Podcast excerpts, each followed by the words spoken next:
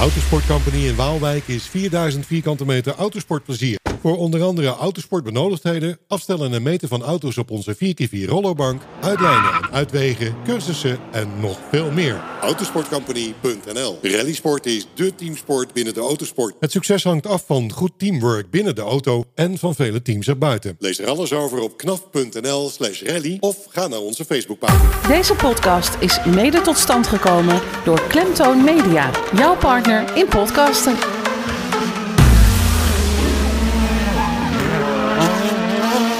Deze NL Rally Sport podcast wordt u aangeboden door de ELE Rally 2021, 4 en 5 juni. Alle info via E elerally.nl. Dit is NL Rally Sport podcast. Marco Schillemans.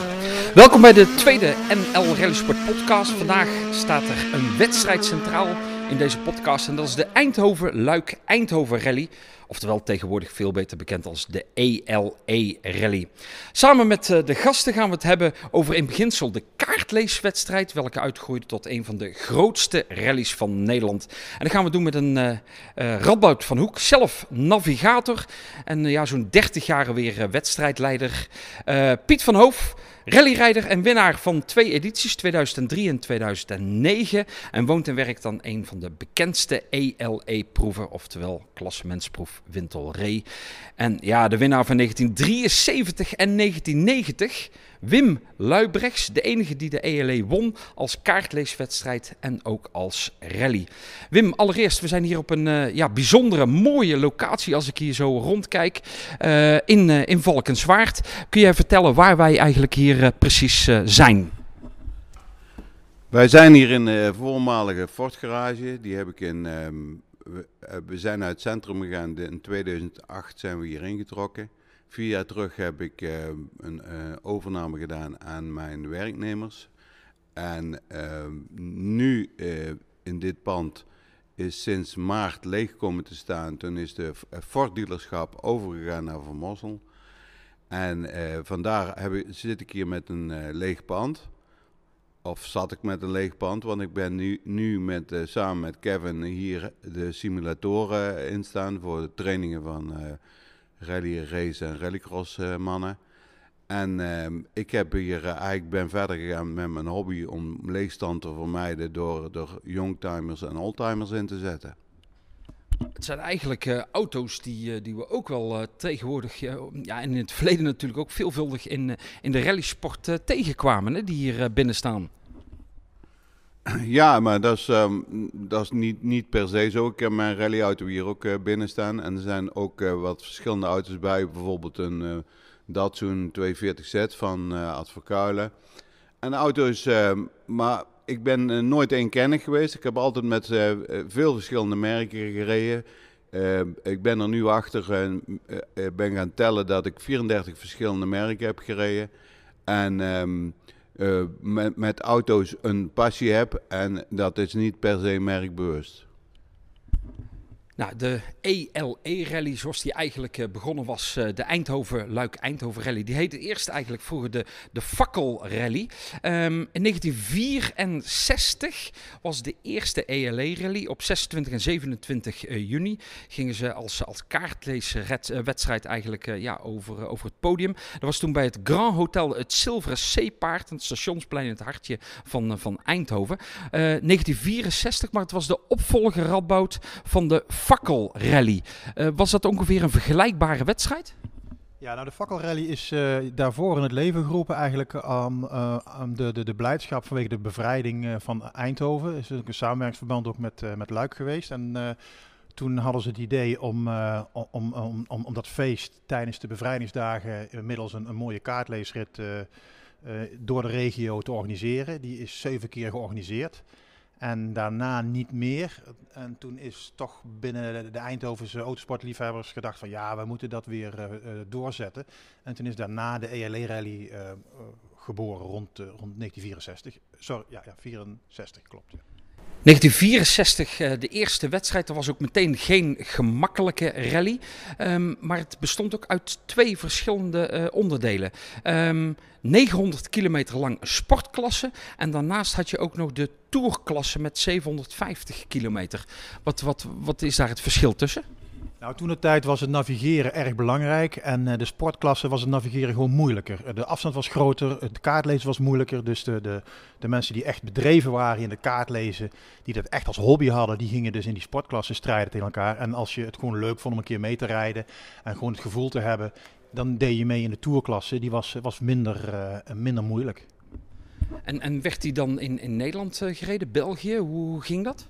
Nou, de, e- de ELR-edities van die tijd was het kaartlezen. Dat ging naar Nederland, België, maar zelfs ook tot aan Noord-Frankrijk toe. Hè. Dat was ook een samenwerkingsverband met, uh, met de gemeente Luik. Ook om, om, om toerisme te promoten van Eindhoven en Luik. En toen reden ze nog verder dan Luik, tot zelfs tot Noord-Frankrijk toe en dan weer terug. En dat was, je begon op vrijdagavond en je kwam op zondag rond een uur of vier, vijf kwam je terug. En dat was gewoon non-stop rijden. Ik, ik, las ook uh, in het eh, boek wat ter gelegenheid van 50 jaar ELE Rally is verschenen. er stond een mooie omschrijving in van minuten tikte weg doordat de weg geblokkeerd was door koeien en varkens. Bovendien legde flarde mist een verlammende greep op de wielen, zodat andermaal de strafpunten als rijpe appels vielen. Prachtige omschrijving. Ja, dat klopt ook. En dat was ook precies de omschrijving hoe de strijd toen de tijd um, gestreden werd. Nu is het secondenwerk en zo snel mogelijk een parcours rijden. Toen de tijd was het, uh, zaten er meer elementen aan die een klassement uh, bepaalden. En, uh. Ja, noem eens even. Nou, er was tijd bij, maar ook foutrijden en, en, en, een foute controle hebben, waardoor je extra strafpunten kreeg. En, en ja, dus, dus het is enorm goed omschreven hoe toen de tijd de, de, de, de competitie gevoerd werd. De eerste winnaars uh, dat waren Paul de Schutter en Jan Horbach. Maar die eerste jaren die waren sowieso zware uh, wedstrijden. De, de, deelnemers spraken van een uitdagende, uitdagende rally met windhozen, slagregens, donder en bliksem. Eh, tegenwoordig zouden we zeggen van het is echt ELE weer. Ehm, Wim, ging, ging, jij toen zelf ook al, al kijken in, in die periode? Echt helemaal in het begin, 1964, 65? Nee, sterker nog, toen ben ik begonnen in een, in een Mini 850. En ik eh, ben later eh, met de Cooper gaan rijden. En toen langzaam bij het Gulf Startteam opgenomen met een DAF. En vandaar ook dat ik in 73, als ik zo vrij mag zijn, even een sprongetje maken. Uh, heb ik de laatste ELE-rally op de weg. En het was belangrijk om die rally van de weg af te halen als kaartleesrally. Want er werd zo enorm hard gereden met hoge gemiddeldes. En er was toen in die tijd uh, zagen de organisatoren van de camperrijders al dat het onverantwoord was om deze rally nog langer op de openbare weg te houden. Want ik kan me nog herinneren dat in 73 was ook weer zo'n het dondert en het bliksemt. Uh, heel hard onweer, bomen op de weg, heel veel wind. En um, ik, wij, wij, hebben toen erg hard gereden en ook om de bomen heen. En ik kan me herinneren dat wij als uh, latere winnaar van die rally als enige een controle ergens diep in de Ardennen aangedaan hebben. En dat die controleur tegen ons zei, een Eindhovense meneer, jongens jullie hebben van mij een etentje verdiend, want jullie zijn de enige die bij mij uh, op de controle zijn geweest. Dus uh, dat typeert ook toen de hardheid van het uh, klassement. Ja, je zei uh, over een etentje. ooit nog wel eens een keer gekregen, dat etentje?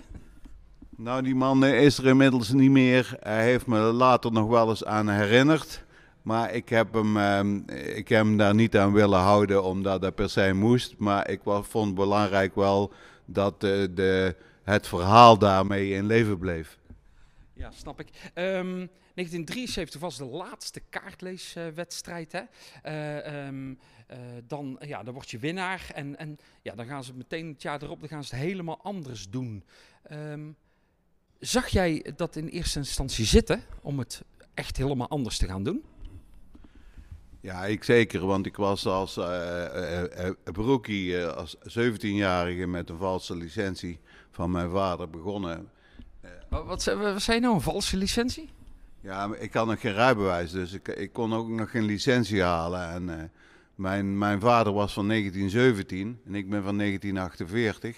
En ik had van die 1 van die 17 had ik een 4 gemaakt. En toen stonden er nog geen pasfoto's op de licenties. En zo ben ik uh, de eerste kaartlezer gaan rijden als kaartlezer bij mijn broer. Maar na drie bochten uh, zei hij al, ga jij maar rijden jongen, want je kent er niks van. Dat klopt. En toen ben ik blijven rijden. En niet kaart lezen. Uh, dan uh, ja, ben, je, ben je gaan rijden. Dan wordt het dus inderdaad een, een snelheidswedstrijd. Um, maar wat me dan opvalt is dat eigenlijk de, de kaartleeswedstrijd in eerste instantie wordt helemaal in België gereden. En dan daarna dan, dan wordt zeg maar overschakeld om alles in Nederland te gaan doen. Ja, daar komt ook een beetje de, de, de suggestieve naam van wij even langs Eindhoven. Um, uh, ze, waren toen nog in de mogelijkheid, nu, nu, nu nog, maar het is enorm hard werk voor een organisatie om in Nederland überhaupt die proeven voor elkaar te krijgen met vergunningen en zo. Maar ik vond wel geweldig. In België waren al, al toen in de tijd rallies uh, op afgesloten circuits of afgesloten etappes. En dat ze die in Nederland gemaakt hebben en uh, duidelijk in de, in de buurt rond Eindhoven uh, daar plaatsvond. Dat, dat was ook het unieke aan de ELE-rally. En ik heb ja, ik opteerde er al lang op om um, van het kaartlezen langzamerhand de snelheid in te gaan. Dus voor mij was het een zeer welkome uitdaging om uh, van het kaartlezen af te komen. Want ik vond er maar vertragend werk. dus ik, um, ik vond het alleen maar goed. 1974 eh, was, uh, was die wijziging. In 1978 las ik dat er maar liefst 31 klassementsproeven waren in uh, de ELE-rally. Dat is een enorme ja, hoeveelheid die, die, die toen nam. Um, Radboud, als je dan, dan kijkt naar bijvoorbeeld de rol van de navigator. Hè, die zie je eerst als kaartlezer en in kaartleeswedstrijden dat die heel erg belangrijk is. En dan zie je hem eigenlijk in die beginjaren van dat het overgaat naar de rally. dat het dan, ja, dat die rol eigenlijk uh, ja, wat aan het minimaliseren is. Ja, dat klopt. Hij moest eigenlijk opnieuw uitgevonden worden. En um, naarmate het snelheidsevenement natuurlijk uh, uh, groter werd, ja, werd ook langzamerhand de betekenis van de navigator groter. Want dat was de persoon die kon, kon waarschuwen wanneer de volgende bochten kwamen. En rond die tijd begon ook het, het, fenomeen pace notes te komen. Dat was overgekomen uit Engeland en uit, uit, de, de, de Zweden-landen en de Nordica-landen. En zo langzamerhand begonnen de men, eh, begon dus de autosport zich te ontwikkelen, de rallysport, in, eh, in ook dat je met pace notes aangeeft uh, hoe de bochtencombinaties zijn. Want het principe van een rallysport was toen de tijd nog steeds, ja, je, gaat, je rijdt een onbekend traject van de start naar de finish en je probeert met z'n tweeën dat zo snel mogelijk te doen. Nou, dan, dan, dan kun je, moet je een systeem ontwikkelen om heel snel uh, te vertellen wat de volgende bochtencombinaties zijn. Dat zijn de pace notes. Nou, die zijn overgekomen vanuit Engeland, omdat Engeland toch al iets eerder was in die ontwikkeling van die, van die snelheid rallysport. En uit Zweden ook. En langzamerhand uh, ja, is dat overgenomen. En heb je de, de, het, het bekende AMAC pace note systeem uh, is toen ontwikkeld. Dat is een, een variant van Engelse en, en, en Nederlandse. En, en, invloeden vanuit, uh, vanuit uh, Zweden. En zo, zo kreeg je dat pace note systeem wat gekomen is. En dat is rond die tijd langzaam ontwikkeld. Met name Bob de Jong heeft daar toen de tijd erg veel uh, goed werk verricht. Want die reed toen uh, met uh, Lars Carlsson. Dat was toen de tijd ook de tijd dat Wim ermee reed. Dat was een enorme een grote naam die veel internationale ervaring had. Met name in, ook in ontwikkeling. En die heeft het eigenlijk geïntroduceerd naar Nederland toe. Er wordt net even geschetst, Piet, van ja, de rol van, van de navigator. Um, hoe belangrijk is, is die zeg maar, in, het, in het team? Nou, ik denk de navigator een, heel belangrijk uh, stukje is in het geheel. Uh, die zorgt in ieder geval dat we overal op tijd inklokken en uitklokken. Dat is een, eh, een, een gebeuren waardoor dat we bepaalde tijdsblokken hebben dat we op de openbare weg niet te snel hoeven te rijden. Maar het moet wel allemaal precies kloppen. Um, we hebben natuurlijk ook dan, als we op de proef komen, heeft die man natuurlijk een hele belangrijke functie. En dan moet hij mij de pace notes voorlezen waardoor we begrijpen waar we zijn op de weg en uh, hoe we moeten handelen, wanneer we, dat we moeten remmen, hoe we moeten anticiperen op het geheel. Als je, als je dan kijkt naar uh, de, de navigator, uh, er zijn heel veel verschillende navigatoren. Hè? Ik noem het altijd mensen die, die ontzettend pushen. En, en, en je hebt navigatoren die juist ja, wat, wat iemand proberen in, in toom te houden. Ehm, waar gaat jouw voorkeur naar uit? Nou, ik heb niet zo verschrikkelijk veel navigatoren gehad. Ik heb er in mijn carrière vier, denk ik, uh, nee, vijf verschillende mensen heb ik mee gereden. Um, al mijn navigatoren zijn niet echt pushers geweest, maar dat is een beetje de combi denk ik van de rijder en de, en de navigator. En dat, uh, ik, ik hou niet zelf niet van een push navigator. Ik hou van een navigator die één keer zegt wat er komt. Dan moet het stil zijn. En als ik het niet kan onthouden of ik begrijp het niet, dan vraag ik om het te herhalen. En dat is zijn taak tijdens de proef. Wim, hoe zit dat uh, bij jou? Ja, de rol van de navigator, oftewel de co-piloot, wordt in Nederland eh, nog steeds, vind ik, onderschat. Um, ik, uh, ik zeg altijd, de kaartlezer is het brein in de auto. En wij zijn de domme chauffeurs. Beetje, beetje zwaar uitgedrukt, maar het komt erop neer dat een, een goede navigator is ook een beetje de coach in de auto. Die, die, houdt, die, die houdt alles in de gaten, de conditie van de rijder, zorgt dat hij op tijd zijn drankje krijgt. Maar, maar vooral die, dat notes oplezen, wat Piet ook zegt. Veel, je ziet op het WK gebeuren ook dat alle mensen heel lang met dezelfde navigator rijden. Omdat dat een, zo een vertrouwenskwestie is met, met elkaar. En die functie zo voornaam is om uh, snel, maar ook uh, veilig te kunnen rijden. Dat, waar hij de moeilijke punten op geeft. Is dat, dat zo'n zo navigator houdt jou in principe op de weg.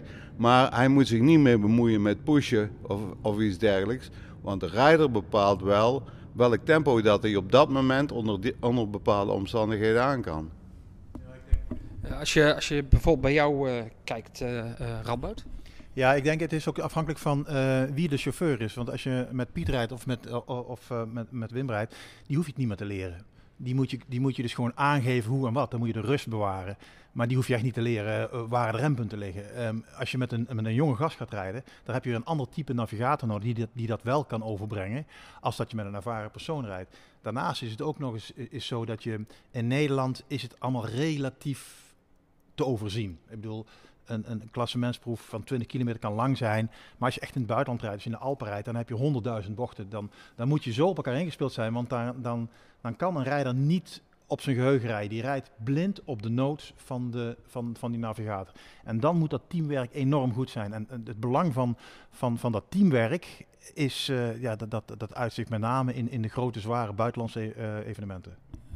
Even terug naar de ELE-rally. Je hebt hem nooit gereden, hè? Nee, klopt. Dat is inderdaad zo. En vroeger vond ik dat enorm erg. De baal ik er als een stekker van. Denk, ja, nou stap ik eruit. Ik wil hem ook wel eens rijden. Ah, je wordt wat ouder en uh, je hebt ook op andere evenementen gereden. En ik, ik beleef er nog steeds enorm veel lol aan. Gewoon om het spelletje, het evenement te organiseren. En dat doe je samen. Met al die vrijwilligers, met de rijders, met het publiek. En, en dat, is, dat is geweldig. Toch niet een keertje over uh, ja, dat podium heen willen? Ja, maar die is kan nog komen natuurlijk.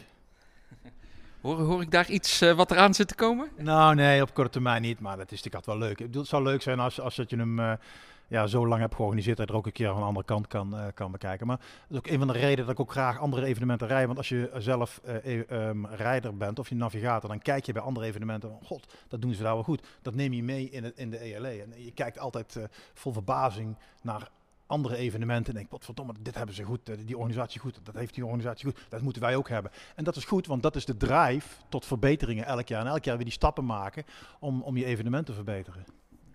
We hadden het net eventjes over uh, zeg maar, de podia waar het evenement allemaal zeg maar, overheen is gegaan.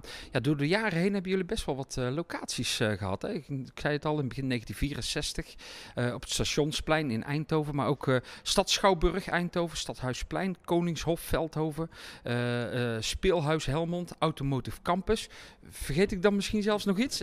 Evaluon daarvoor, hè, is, daar hebben wij ook de met 50-jarig feest ook de startlocatie gehad van, uh, van de ELE 50-jarige uh, kaartlezersrit. Dus ja, we hebben hier in de regio nogal wat locaties gehad. Ja. En nou, uh, sinds kort weer zijn we in Son te gast, wat ons enorm goed bevallen is. Dus die, die verschillende locaties, um, kom je daar toevalligerwijs? Of, of wordt daar een organisatie bijvoorbeeld voor gevraagd om daar te starten? Of hoe werkt dat? Nou, het is vaak een combinatie. Na een aantal jaren dan, uh, dan zegt een gemeente van nou, de interesse is wat minder of, of ze hebben andere evenementen. Het is ook een beetje afhankelijk van, van wat, wat je gastheer dan wil. En dan, ja, dan kijk je weer verder. En af en toe is het ook alweer, je moet vernieuwend zijn. Dus een keer een andere locatie zoeken, dat, uh, dat is vernieuwend. En dat kun je ook weer misschien andere proeven ontwikkelen. Dus het is een mix. Uh, Piet, uh, als je dan eenmaal op zo'n zo'n podium staat, hè, bouwt dat bij jou dan nog een bepaalde spanning op? En, en zeker misschien ja, zelfs in, in, in zo'n thuiswedstrijd? Ja, de thuiswedstrijd is natuurlijk altijd wel heel bijzonder. Uh, staat ook altijd hoog op het, uh, op het blaadje natuurlijk dat je daar goed wil presteren. Mijn uh, hoofdsponsor in de tijd heeft er ook nog een tijd lang zijn, zijn naam aan verbonden. Dus toen werd de druk in theorie nog hoger. ik ben niet iemand die er echt mega last van heeft van de druk. We willen dan wel goed presteren, dus we doen wel goede voorbereidingen. We zorgen dat het allemaal voor elkaar is. Maar de ELE eh, komt dan ook nog een keer door mijn eigen dorp, door mijn eigen mensen. op een gegeven moment reden we zelfs bij mij over de stoep. Dus ja, dat is wel altijd iets heel bijzonders geweest in het jaar. En daar werd wel heel erg op gefocust dat dat uh, toch wel zeker een, een, goed resultaat neergezet moest worden. En dat het uh, voor ons wel ook het mooiste evenement is door al de combinaties bij elkaar. Als, je, als je dan gaat kijken, want je begint er zelf eventjes over, over Wintel, Wintel Ree. Ja, die, die, die, ja, je zegt al, als je zo de bocht uitkwam, dan reed je bij jou zeg maar over, het, over het erf heen. hoe is die proef tot stand gekomen? Die proef die is tot stand gekomen door de vader van mijn toenmalige navigator. Die heeft zich daar heel erg voor ingezet. En ja, die heeft er werkelijk een, een heel mooi geheel van gemaakt. dus ontzettend goed ontvangen in het dorp. Eerst was ik nog een beetje bang of dat het allemaal wel positief zou zijn natuurlijk. Maar dat is uh, eh, 300% meegevallen. Alle mensen waren heel actief. Alle buurtschappen deden dingen. Heel de bevolking was in één keer met de ELE bezig. En dat, ja, dat doet je natuurlijk wel wat. En zeker als je dan in, in de, top, de top meedraait van zo'n wedstrijd, dan is dat een, een compleet mooi spel. Was 2008 volgens mij zo'n beetje, hè? Ja, 2008 is, die, is dat begonnen bij ons in het dorp. En in 2009 hebben we hem toen mogen winnen. Dus toen was het, ja, toen was het helemaal feest natuurlijk. Als je gaat kijken van uh, naar, naar jouw uh, lijstje van, van auto's waar je daarmee gereden hebt, dan, dan hebben we het over de Ford Sierra RS Cosworth. Hebben we het, en natuurlijk over de, de ja, Mitsubishi Lancer Evo 4. waar je ja, nagenoeg eigenlijk alle wedstrijden zo'n beetje mee gereden hebt. Ja, ook nog wel eens een keer een 5 en een Evo 10. Maar eigenlijk, ja, met, dat zijn eigenlijk wel voor jou de ja, twee belangrijkste wagens geweest volgens mij. Nou, ik, heb, ik ben mogen beginnen in een Opel Manta, ex-Hans Stacy auto. Daar uh, heb ik uh, de eerste jaren mee gereden, maar toen reden we vooral rally sprints.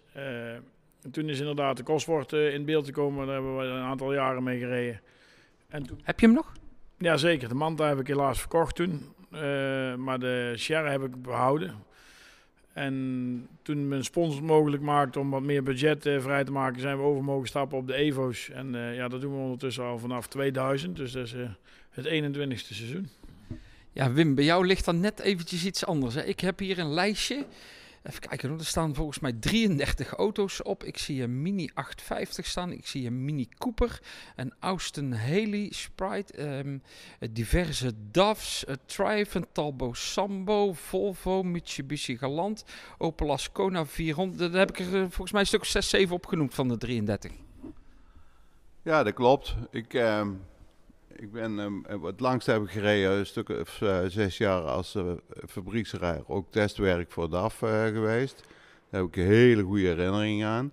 En daarna ben ik meer voor importeurs en dealerteams, uh, Leyland Benelux. Ehm, alle merken die voorbij kwamen en die mij een aanbod deden, wat ik interessant genoeg vond, daar ben ik ingestapt.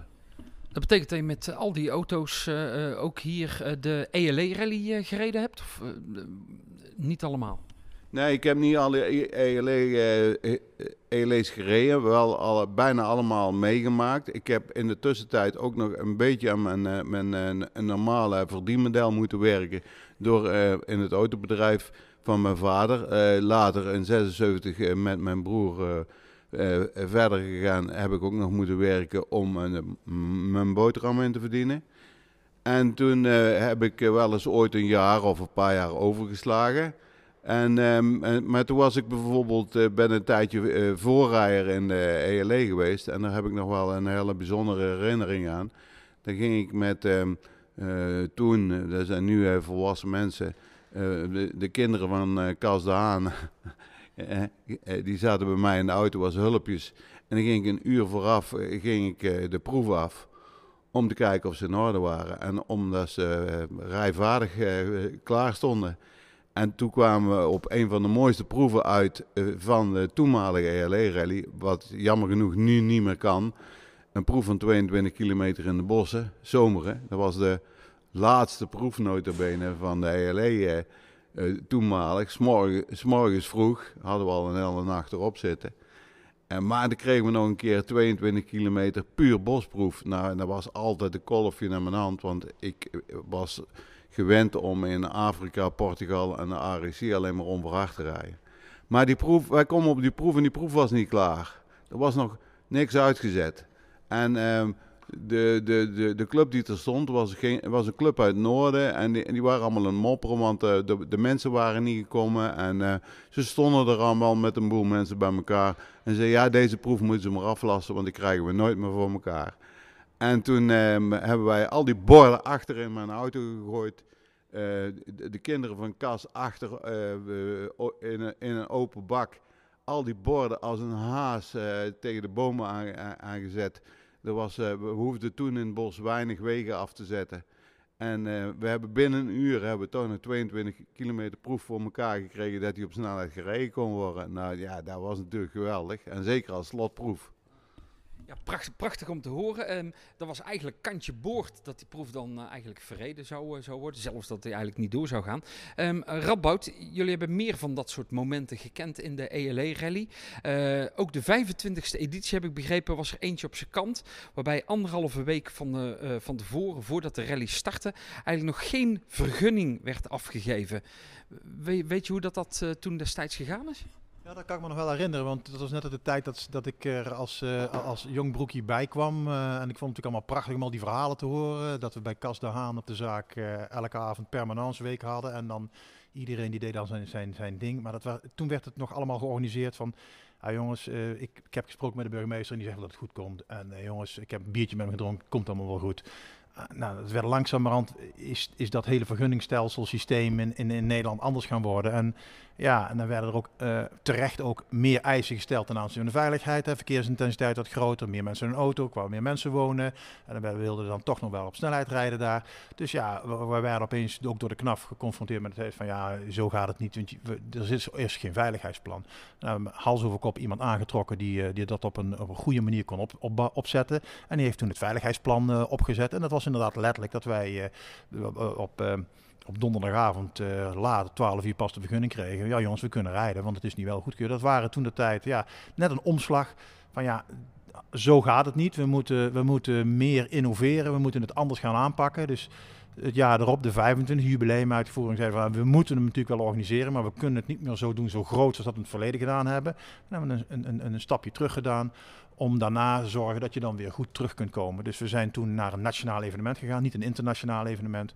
En die 25e is toen eh, met beperkte kleinere proeven enorm succesvol verlopen en ook veilig verlopen. En toen zijn we langzaam uit gaan bouwen naar eh, een, een evenement zo- zoals we die nu kennen. Als we dan eh, gaan kijken, Piet 1990 eh, was eh, voor jou de eerste maal eh, dat je de wedstrijd eh, ging, ging rijden. Eh, de ELE-rally was er volgens mij.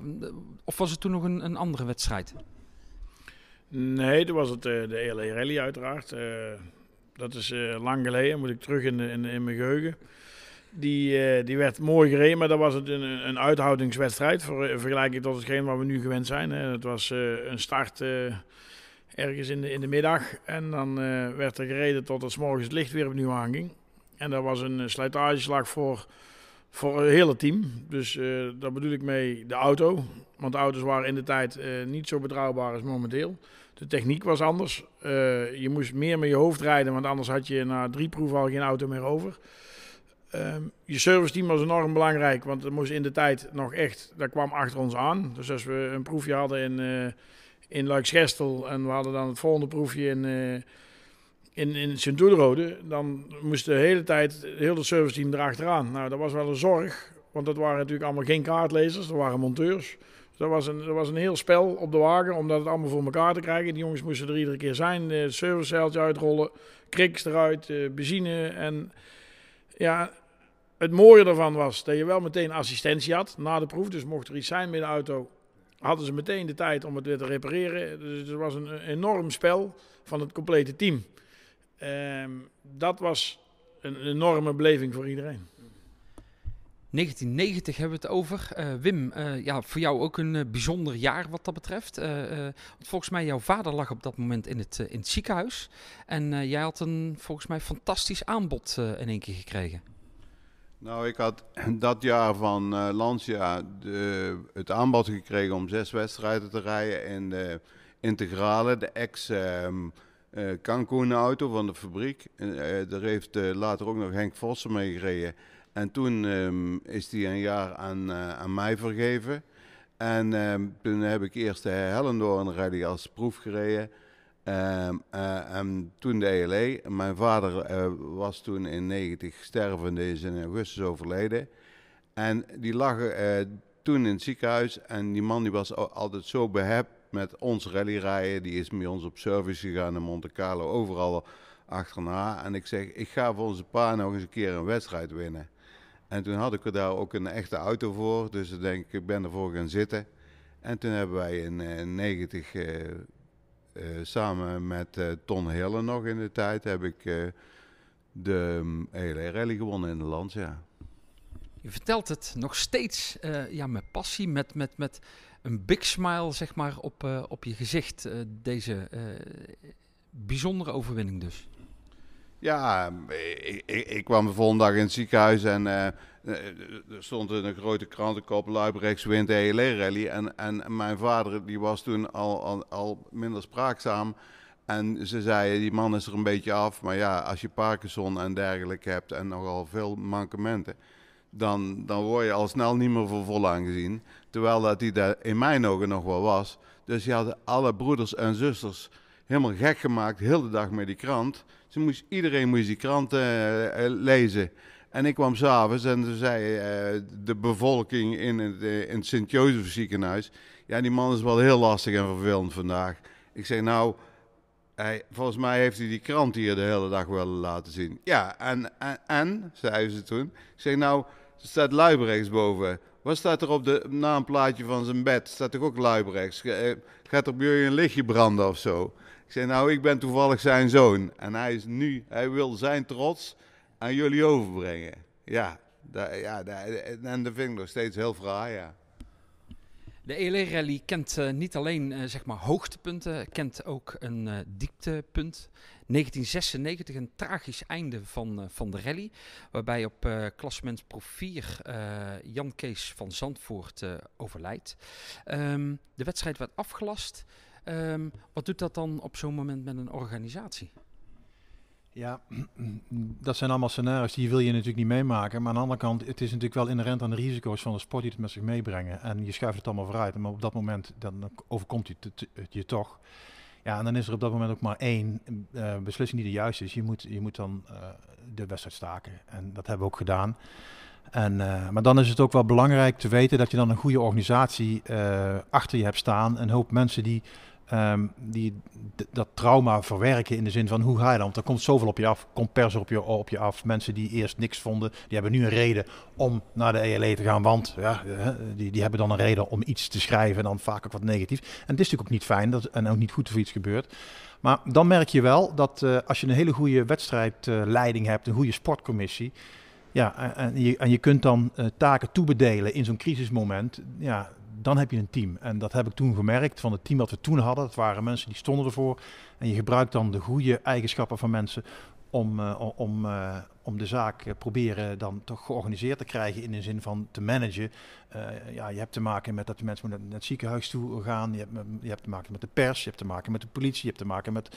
Nou, en als je dat goed kunt verdelen binnen je organisatie, ja, dan, dan, dan heb je niet, niet die paniek. Want die paniek die moet je natuurlijk die moet je zien te vermijden. En dat waren voor mij toch wel de momenten van ja, leuk om, om zoiets te organiseren. Dit is niet leuk, maar het is fijn dat je dan hele goede mensen in je team hebt, in je organisatieteam hebt, die je dan kunnen ondersteunen om het dan toch nog, hè, zo goed en zo kwaad als dat het kan, uh, ja, georganiseerd te krijgen was ook een bijzonder eerbetoon. Hè? De uh, rijders en navigatoren die, ja, die, die gingen de laatste proef nog, nog rijdend eroverheen. Ja, dat was iets wat uh, was, spontaan vanuit de, de, deelnemers gekomen. Want wij hadden de regroep uh, uh, en toen werd de wedstrijd definitief afgelast. En toen zeiden de rijders van nee, wij willen toch met z'n allen nog als, ja, als een eerbetoon over, over de proef Zon rijden. Want Zon, ja, dat was, echt, dat was de proef. Daar kwamen 10.000 man kijken. En nou, dat hebben ze toen ook allemaal gedaan. Ik moet zeggen, dat was, ja, dat was wel slikken. Dat, was, uh, ja, dat, dat, geeft ook aan dat je met z'n allen een team bent. Uh, rijders, organisatoren. En ja, geeft ook aan hoe, uh, hoe diep zoiets dan ligt. En ja, dat, dat deed ook um, de, de nabestaanden enorm goed. Wat verder, 19 98, dan uh, gaan uh, de eerste echte WRC's uh, zich zeg maar manifesteren in de ELE-rally. Bert de Jong die komt met een Subaru Impreza WRC. Eddie van der Horen met een Ford Escort WRC, winnaar van 98, samen met Johan Vindhammer. Jan van der Marel met een Ford Escort WRC. hierna 12 van de 14 volgende edities was een WRC ja, de snelste tijdens de ELE-rally. Was dat... Um, ja, een, een, een haast een, een omschakeling, Wim? Ja, de, de, de, na de groep B's, na het aflassen van de groep B's, omdat die te snel uh, waren in, in, in, de proeven, is het, uh, het, het WRC en ook het wereldkampioenschap ontstaan. En technisch gezien ook WRC-auto's door de industrie en door de fabrieken in het leven geroepen. Vierwielaandrijving, veel vermogen, veel techniek ook uh, heel erg duur. Maar die, uh, die explosie, die, uh, die, ja, die moesten wij wel volgen, omdat die wereldwijd ehm, in, op was gezet. En, en die auto's die waren zo snel en met vierwielendrijving en dergelijke.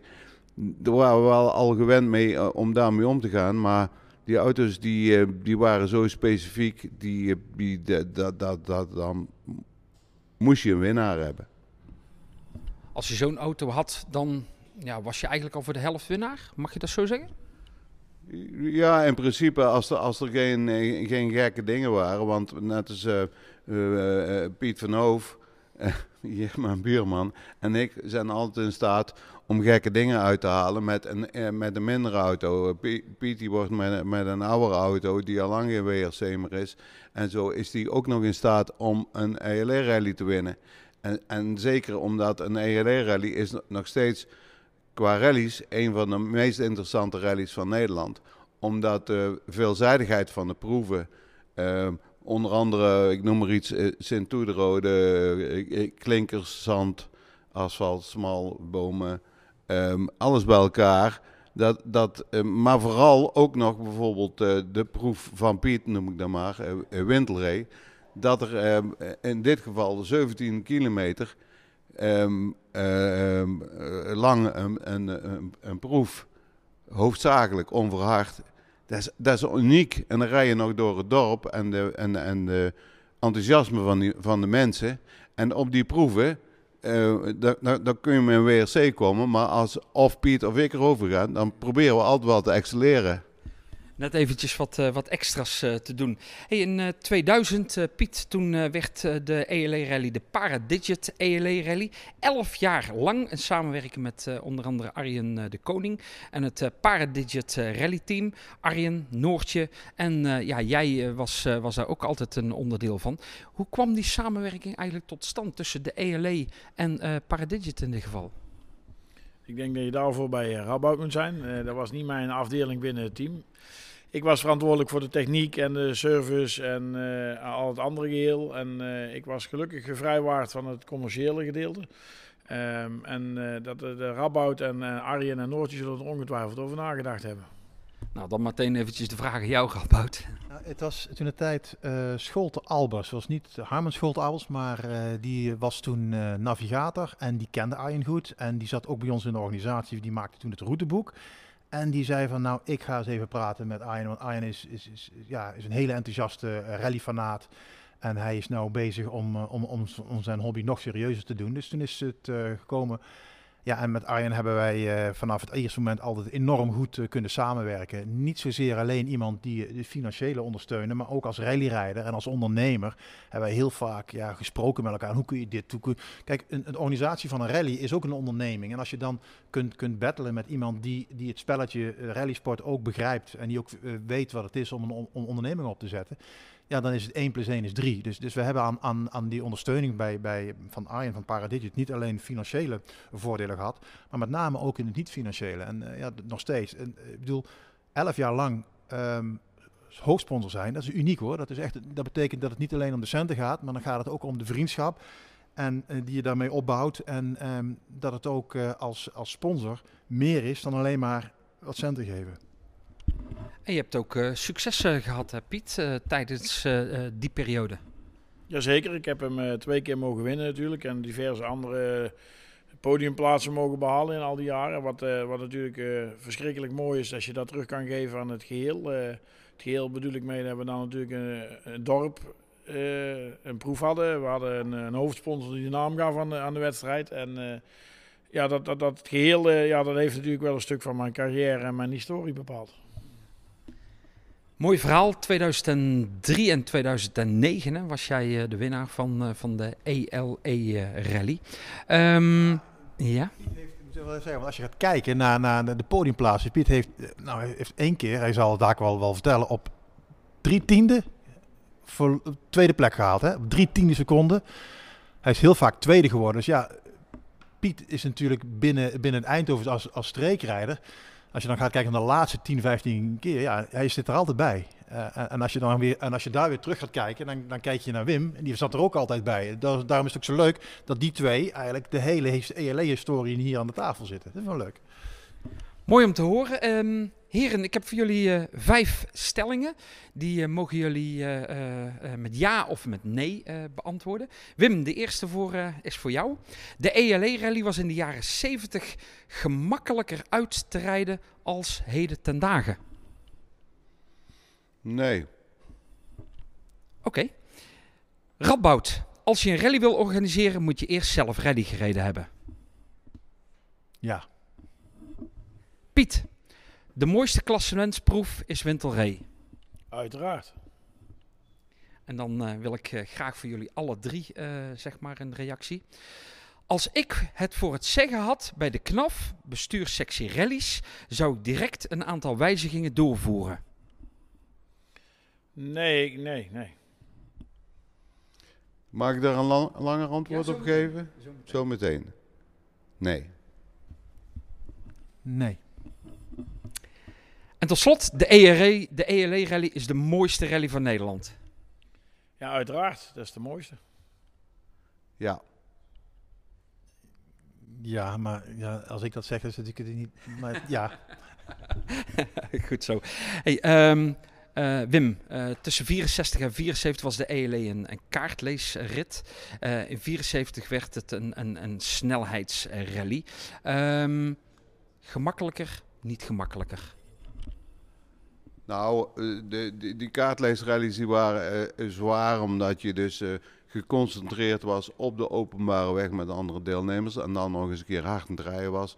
Onder eigenlijk een beetje te lange omstandigheden, omdat je dag en nacht door, doorging.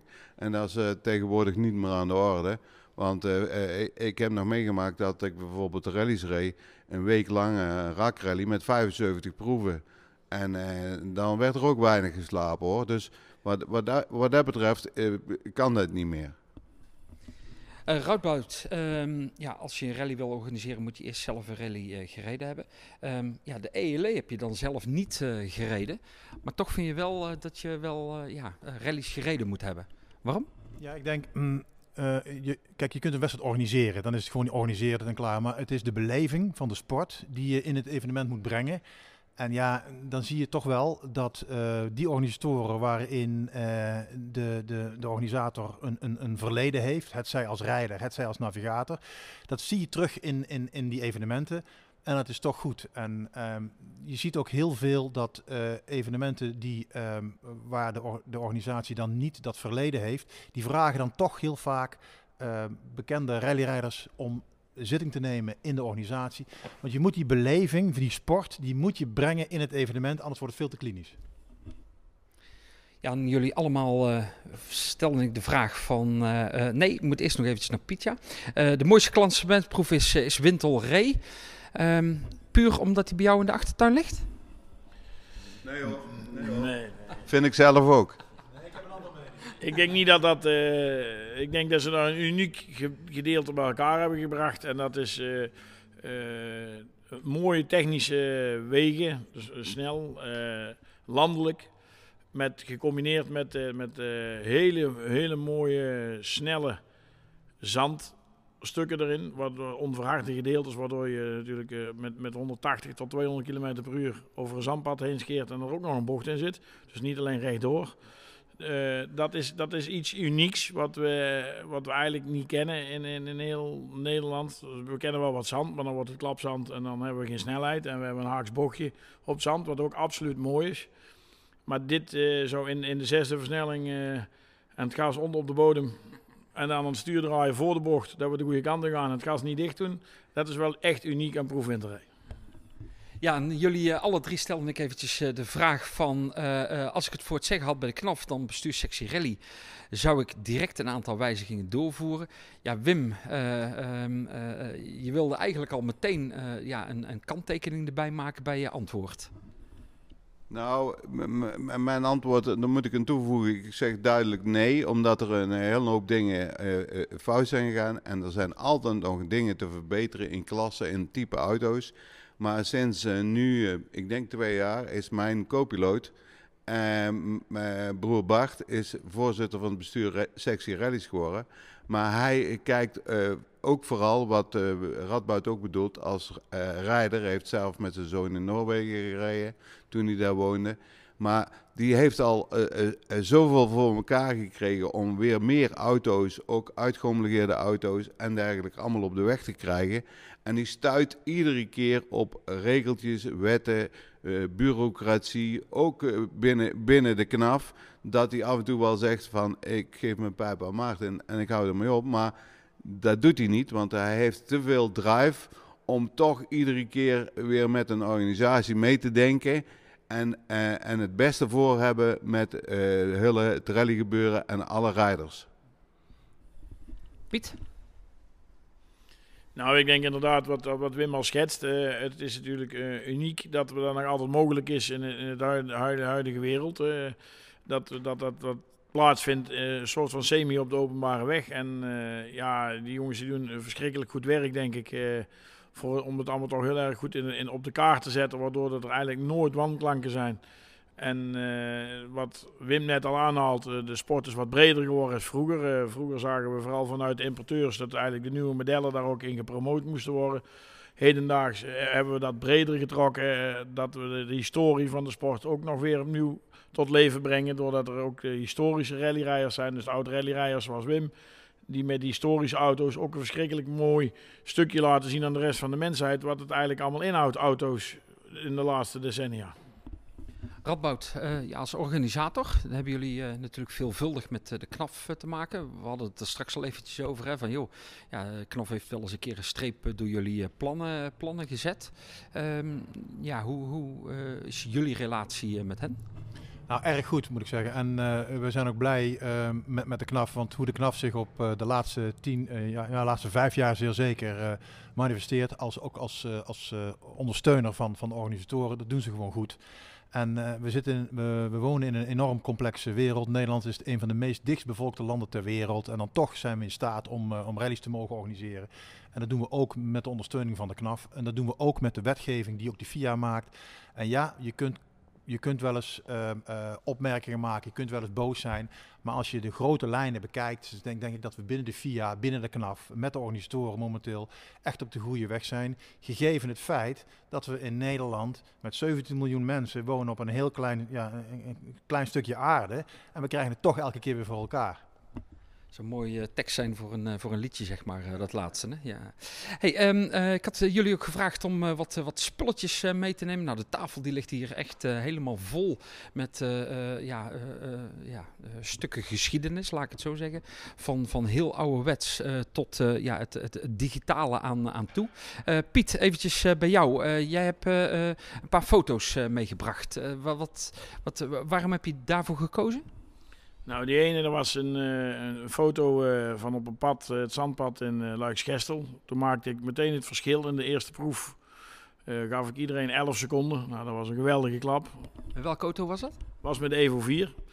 En toen had ik een lege geledigheidsnavigator. Was mijn neefje die heel erg veel en nog steeds actief is binnen het team. En ja, toen, toen, gingen we voor de tweede keer over dat zandpad heen. En daar was een clipgat gekomen ik wist het dat het er zou komen, maar ik was het even vergeten in mijn enthousiasme.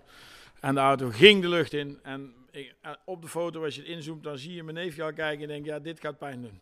dit gaat verkeerd aflopen, maar ja, het ging allemaal net goed. En uh, ja, we hadden een geweldige scratchtijd. Uh, ja, dat is iets, uh, ja, dat, dat, dat, hangt nog steeds bij mij in de werkplaats boven als een groot poster uitvergroot. ja, dat is iets unieks.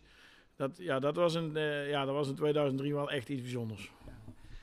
Um, wat uh, heb jij uh, mee, uh, meegebracht? eigenlijk um, één, ja, dat is een, ook een, ja, een prijs. Want DLE, de prijs gaat altijd naar de deelnemers. Maar we hebben in, in 2018 hebben wij als organisatie de prijs gekregen, beste rallyorganisatie van, van, van 2018. En dat is eigenlijk, ja, die prijs, die, is, dat doe je met, met z'n allen, met, met, met de organisatie.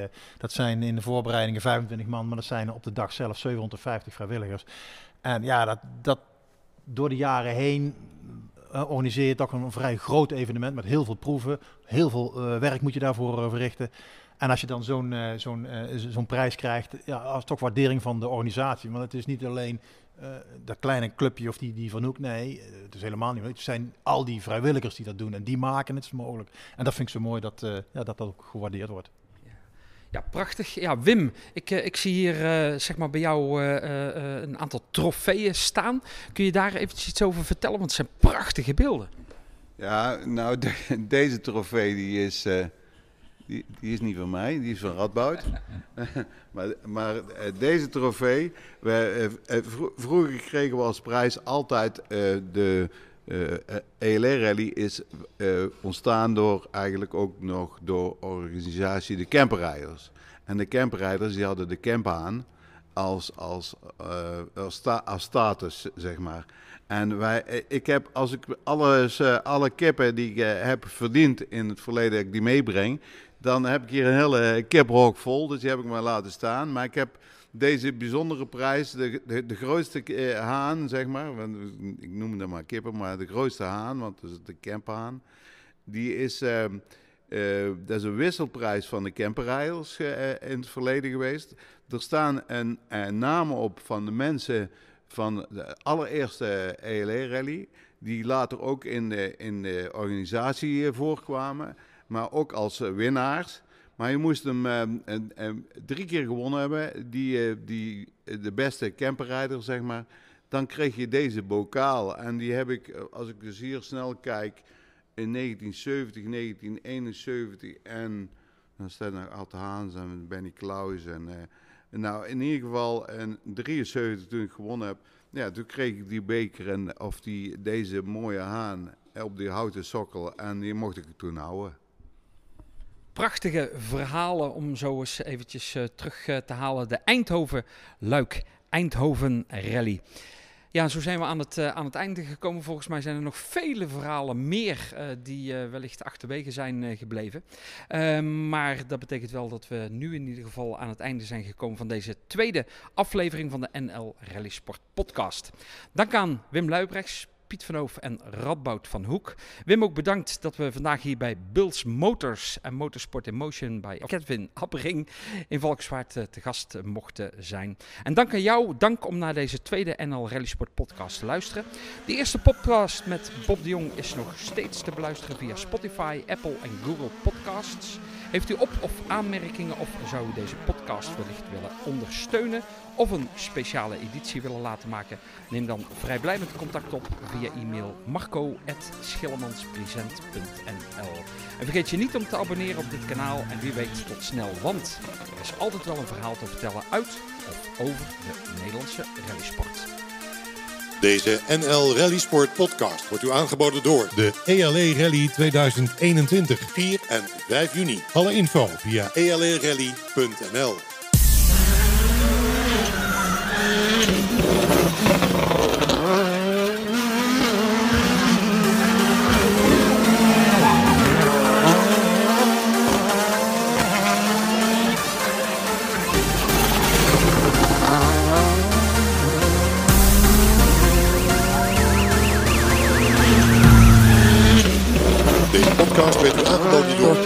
Media, jouw partner in podcasten.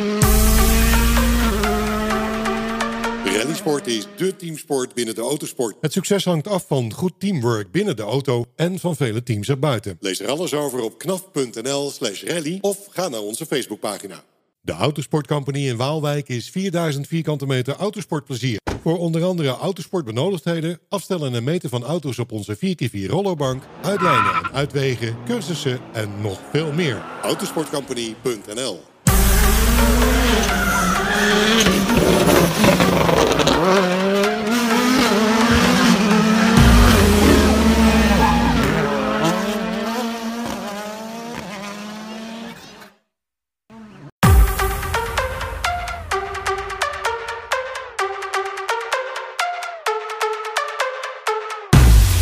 De Autosport Company in Waalwijk is 4000 vierkante meter autosportplezier. Voor onder andere autosportbenodigdheden, afstellen en meten van auto's op onze 4x4 rollerbank, uitlijnen en uitwegen, cursussen en nog veel meer. Autosportcompany.nl Rallysport is dé teamsport binnen de autosport. Het succes hangt af van goed teamwork binnen de auto en van vele teams erbuiten. Lees er alles over op knaf.nl slash rally of ga naar onze Facebookpagina. Deze podcast is mede tot stand gekomen door Klemtoon Media, jouw partner in podcasten.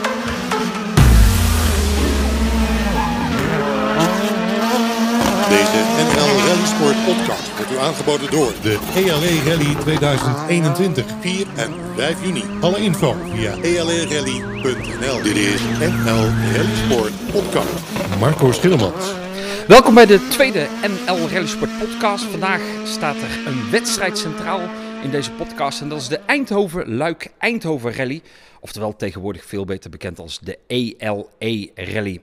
Samen met eh, de gasten gaan we het hebben over in beginsel de kaartleeswedstrijd, welke uitgroeide tot een van de grootste rallies van Nederland. En dat gaan we doen met een eh, Radboud van Hoek, zelf navigator en ja, zo'n 30 jaar weer wedstrijdleider. Piet van Hoof, rallyrijder en winnaar van twee edities, 2003 en 2009. En woont en werkt aan een van de bekendste ELE-proeven, oftewel klassementsproef Wintel Ree. En ja, de winnaar van 1973 en 1990, Wim Luibrechts, de enige die de ELE won als kaartleeswedstrijd en ook als rally. Wim, allereerst, we zijn hier op een eh, ja, bijzondere, mooie locatie als ik hier zo rondkijk eh, in, eh, in Valkenswaard. Kun jij vertellen waar wij eigenlijk hier precies zijn? Wij zijn hier in de voormalige Ford garage. Die heb ik in. ehm, we, zijn uit het centrum gegaan. In 2008 zijn we hier ingetrokken. Vier jaar terug heb ik ehm, een eh, overname gedaan aan mijn werknemers. En ehm, nu eh, in dit pand is sinds maart leeg komen te staan. Toen is de eh, Ford dealerschap overgegaan naar Van Mossel. En eh, vandaar heb ik, zit ik hier met een eh, leeg pand. Of zat ik met een leeg pand, want ik ben nu, nu met, eh, samen met Kevin hier de simulatoren in staan voor de trainingen van eh, rally race en rallycross eh, mannen. En ehm, ik heb hier eh, eigenlijk ben verder gegaan met mijn hobby om leegstand te vermijden door er youngtimers en oldtimers in te zetten. Het zijn eigenlijk eh, auto's die, die we ook wel tegenwoordig, ja, en in het verleden natuurlijk ook veelvuldig in, in de rallysport tegenkwamen, hè, die hier binnen staan. Ja, maar dat is, ehm, dat is niet, niet per se zo. Ik heb mijn rallyauto hier ook eh, binnen staan. En er zijn ook eh, wat verschillende auto's bij. Bijvoorbeeld een, eh, Datsun 240Z van uh, Advocaule. En de auto's, uh, maar ik ben uh, nooit eenkennig geweest. Ik heb altijd met uh, veel verschillende merken gereden. ik ben er nu achter en ben gaan tellen dat ik 34 verschillende merken heb gereden. En met, met auto's een passie heb en dat is niet per se merkbewust. Nou, de ELE-rally, zoals die eigenlijk uh, begonnen was, uh, de Eindhoven-Luik-Eindhoven-rally, die heette eerst eigenlijk vroeger de, de Fakkel-rally. Um, in 1964 was de eerste ELE-rally. Op 26 en 27 uh, juni gingen ze als, als kaartleeswedstrijd eigenlijk ja, over, over het podium. Dat was toen bij het Grand Hotel het Zilveren Zeepaard, het stationsplein in het hartje van, van Eindhoven. 1964, maar het was de opvolger Radboud van de fakkelrally. Uh, was dat ongeveer een vergelijkbare wedstrijd? Ja, nou de fakkelrally is uh, daarvoor in het leven geroepen eigenlijk aan, aan de, de, de blijdschap vanwege de bevrijding van Eindhoven. Is een samenwerkingsverband ook met, met Luik geweest. En toen hadden ze het idee om, om, om, om, om dat feest tijdens de bevrijdingsdagen middels een, een mooie kaartleesrit door de regio te organiseren. Die is zeven keer georganiseerd. En daarna niet meer. En toen is toch binnen de Eindhovense autosportliefhebbers gedacht van ja, we moeten dat weer uh, doorzetten. En toen is daarna de ELE-rally uh, geboren rond, rond 1964. Sorry, ja, ja 64 klopt. Ja. 1964, uh, de eerste wedstrijd. Dat was ook meteen geen gemakkelijke rally. Um, maar het bestond ook uit twee verschillende uh, onderdelen.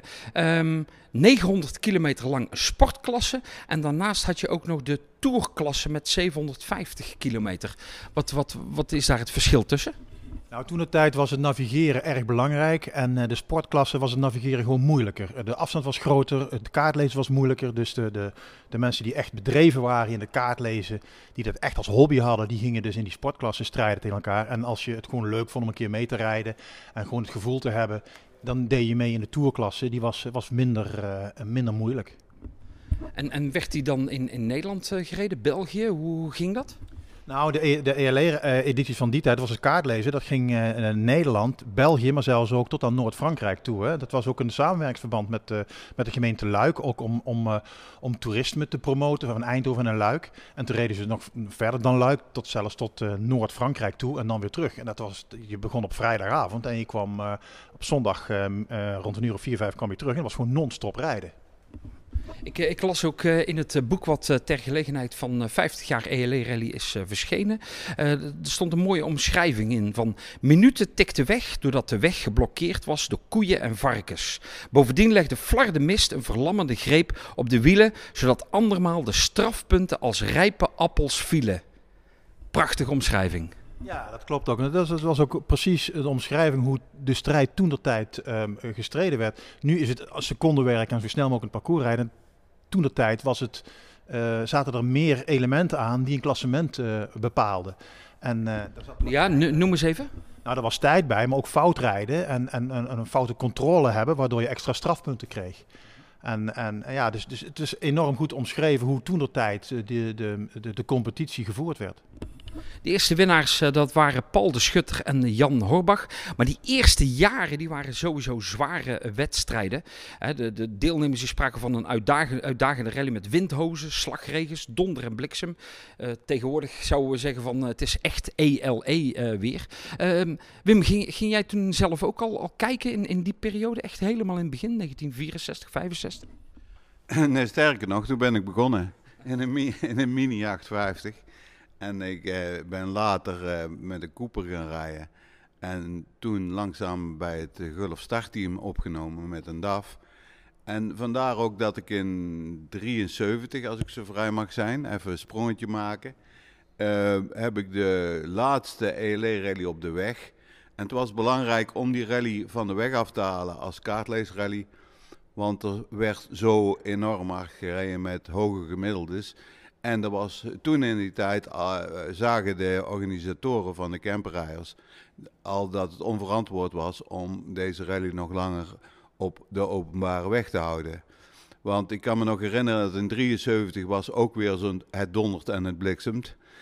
Uh, heel hard onweer, bomen op de weg, uh, heel veel wind. En ehm, ik heb, we hebben toen erg hard gereden en ook om de bomen heen. En ik kan me herinneren dat wij als eh, latere winnaar van die rally als enige een controle ergens diep in de Ardennen aangedaan hebben. En dat die controleur tegen ons zei, een Eindhovense meneer, jongens jullie hebben van mij een etentje verdiend, want jullie zijn de enige die bij mij eh, op de controle zijn geweest. Dus eh, dat typeert ook toen de hardheid van het eh, klassement. Ja, je zei eh, over een etentje. ooit nog wel eens een keer gekregen, dat etentje? Nou, die man is er inmiddels niet meer. Hij heeft me later nog wel eens aan herinnerd. Maar ik heb hem, ehm, ik heb hem daar niet aan willen houden omdat dat per se moest. Maar ik wa- vond het belangrijk wel dat de, het verhaal daarmee in leven bleef. Ja, snap ik. Ehm, 1973 was de laatste kaartleeswedstrijd. hè? Eh, ehm, eh, dan, ja, dan word je winnaar. En, en ja, dan gaan ze meteen het jaar erop dan gaan ze het helemaal anders doen. Ehm, zag jij dat in eerste instantie zitten om het echt helemaal anders te gaan doen? Ja, ik zeker, want ik was als eh, eh, broekie, als 17-jarige met een valse licentie van mijn vader begonnen. Wat, wat, wat zei je nou, een valse licentie? Ja, ik had nog geen rijbewijs, dus ik, ik kon ook nog geen licentie halen. En eh, mijn, mijn vader was van 1917 en ik ben van 1948. En ik had van die 1 van die 17 had ik een 4 gemaakt. En toen stonden er nog geen pasfoto's op de licenties. En zo ben ik eh, de eerste kaartleesrally gaan rijden als kaartlezer bij mijn broer. Maar na drie bochten eh, zei hij al, ga jij maar rijden jongen, want je kent er niks van. Dat klopt. En toen ben ik blijven rijden en niet kaart lezen. Eh, dan eh, eh, ja, ben, je, ben je gaan rijden. Dan wordt het dus inderdaad een, een snelheidswedstrijd. Ehm, maar wat me dan opvalt is dat eigenlijk de, de kaartleeswedstrijd in eerste instantie wordt helemaal in België gereden. En dan daarna dan, dan wordt zeg maar overschakeld om alles in Nederland te gaan doen. Ja, daar komt ook een beetje de, de, de suggestieve naam van wij even langs Eindhoven. Ehm, eh, eh, ze, waren toen nog in de mogelijkheid, nu, nu, nog, maar het is enorm hard werk voor een organisatie om in Nederland überhaupt die proeven voor elkaar te krijgen met vergunningen en zo.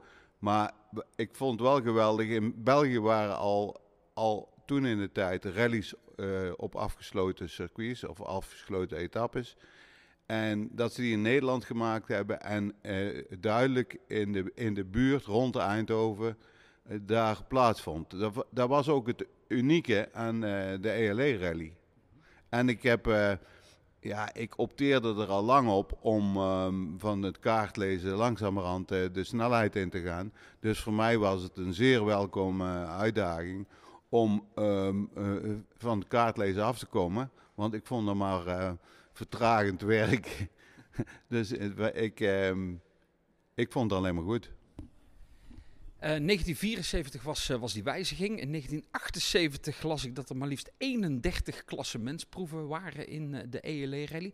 Dat is een enorme eh, ja, hoeveelheid die, die, die toenam. Eh, eh, Radboud, als je dan, dan kijkt eh, naar bijvoorbeeld de, rol van de navigator. Hè, die zie je eerst als kaartlezer eh, eh, en in kaartleeswedstrijden dat die heel erg belangrijk eh, is. En dan zie je hem eigenlijk in die beginjaren eh, van dat het overgaat naar de rally, eh, dat het dan eh, ja, dat die rol eigenlijk eh, ja, wa- wat aan het minimaliseren is.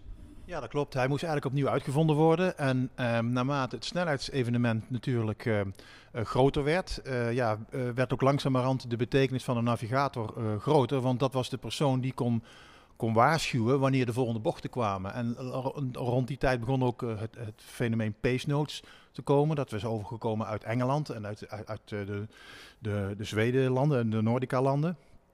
En zo langzamerhand begonnen de men, eh, begon de autosport zich te ontwikkelen, de rallysport, in, eh, in ook dat je met pace notes aangeeft eh, hoe de bochtencombinaties zijn. Want het principe van een rallysport was toen de tijd nog steeds, ja, je, gaat, je rijdt een onbekend traject van de start naar de finish en je probeert met z'n tweeën dat zo snel mogelijk te doen. Nou, en, dan, dan, dan kun je, moet je een systeem ontwikkelen om heel snel eh, te vertellen wat de volgende bochtencombinaties zijn. Dat zijn de pace notes. Nou, die zijn overgekomen vanuit Engeland, omdat Engeland toch al iets eerder was in die ontwikkeling van die, van die snelheid rallysport. En uit Zweden ook. En langzamerhand eh, ja, is dat overgenomen. En heb je de, de, het, het, eh, bekende AMAC pace note systeem is toen ontwikkeld. Dat is een, een variant van Engelse en, en, en Nederlandse. En, en invloeden vanuit, vanuit Zweden. En zo, zo kreeg je dat pace note systeem wat gekomen is. En dat is rond die tijd langzaam ontwikkeld. Met name Bob de Jong heeft daar toen de tijd erg veel goed werk verricht. Want die reed toen met Lars Carlson. Dat was toen de tijd ook de tijd dat Wim ermee reed. Dat was een enorme een grote naam die veel internationale ervaring had. Met name in, ook in pace notes ontwikkeling. En die heeft het eigenlijk geïntroduceerd naar Nederland toe. Er wordt net even geschetst, Piet, van ja, de rol van, van de navigator. Um, hoe belangrijk is, is die zeg maar, in, het, in het team? Nou, ik denk de navigator een, heel belangrijk uh, stukje is in het geheel. Uh, die zorgt in ieder geval dat we overal op tijd inklokken en uitklokken. Dat is een, eh, een, een gebeuren waardoor dat we bepaalde tijdsblokken hebben dat we op de openbare weg niet te snel hoeven te rijden.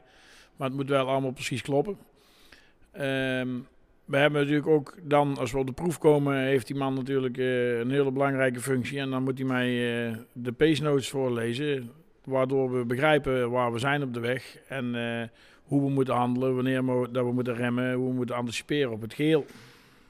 Als je, als je dan kijkt naar uh, de, de navigator, uh, er zijn heel veel verschillende navigatoren. Hè? Ik noem het altijd mensen die, die ontzettend pushen. En, en, en je hebt navigatoren die juist ja, wat, wat iemand proberen in, in toom te houden. Ehm, waar gaat jouw voorkeur naar uit? Nou, ik heb niet zo verschrikkelijk veel navigatoren gehad. Ik heb er in mijn carrière vier, denk ik, uh, nee, vijf verschillende mensen heb ik mee gereden. Um, al mijn navigatoren zijn niet echt pushers geweest, maar dat is een beetje de combi, denk ik, van de rijder en de, en de navigator. En dat, uh, ik, ik hou niet zelf niet van een push-navigator. Ik hou van een navigator die één keer zegt wat er komt. Dan moet het stil zijn. En als ik het niet kan onthouden of ik begrijp het niet, dan vraag ik om het te herhalen. En dat is zijn taak tijdens de proef. Wim, hoe zit dat eh, bij jou? Ja, de rol van de navigator, oftewel de co-piloot, wordt in Nederland eh, nog steeds, vind ik, onderschat. Um, ik, ik zeg altijd, de kaartlezer is het brein in de auto. En wij zijn de domme chauffeurs. Een beetje, beetje zwaar uitgedrukt. Maar het komt erom neer dat een, een goede navigator is ook een beetje de coach in de auto die, die, houdt, die houdt alles in de gaten. De conditie van de rijder zorgt dat hij op tijd uh, zijn drankje krijgt. Maar, maar vooral die, dat pace notes oplezen, wat uh, Piet ook zegt. Veel, je ziet op het WK gebeuren ook dat alle mensen heel lang met dezelfde navigator rijden. Omdat dat een, zo een vertrouwenskwestie is met, met elkaar. En die functie zo voornaam is om ehm, snel maar ook uh, veilig te kunnen rijden, dat, waar hij de moeilijke punten op geeft, is dat, dat zo'n zo navigator houdt jou in principe op de weg. Maar hij moet zich niet meer bemoeien met pushen of, of iets dergelijks. Want de rijder bepaalt wel welk tempo dat hij op dat moment onder, onder bepaalde omstandigheden aan kan. Als je, als je bijvoorbeeld bij jou uh, kijkt, uh, ja, ik denk het is ook afhankelijk van uh, wie de chauffeur is. Want als je met Piet rijdt of met, uh, of, uh, met, met Wim rijdt, die hoef je het niet meer te leren. Die moet, je, die moet je dus gewoon aangeven hoe en wat. Dan moet je de rust bewaren. Maar die hoef je echt niet te leren waar de rempunten liggen. Um, als je met een, met een jonge gast gaat rijden, dan heb je een ander type navigator nodig die dat, die dat wel kan overbrengen.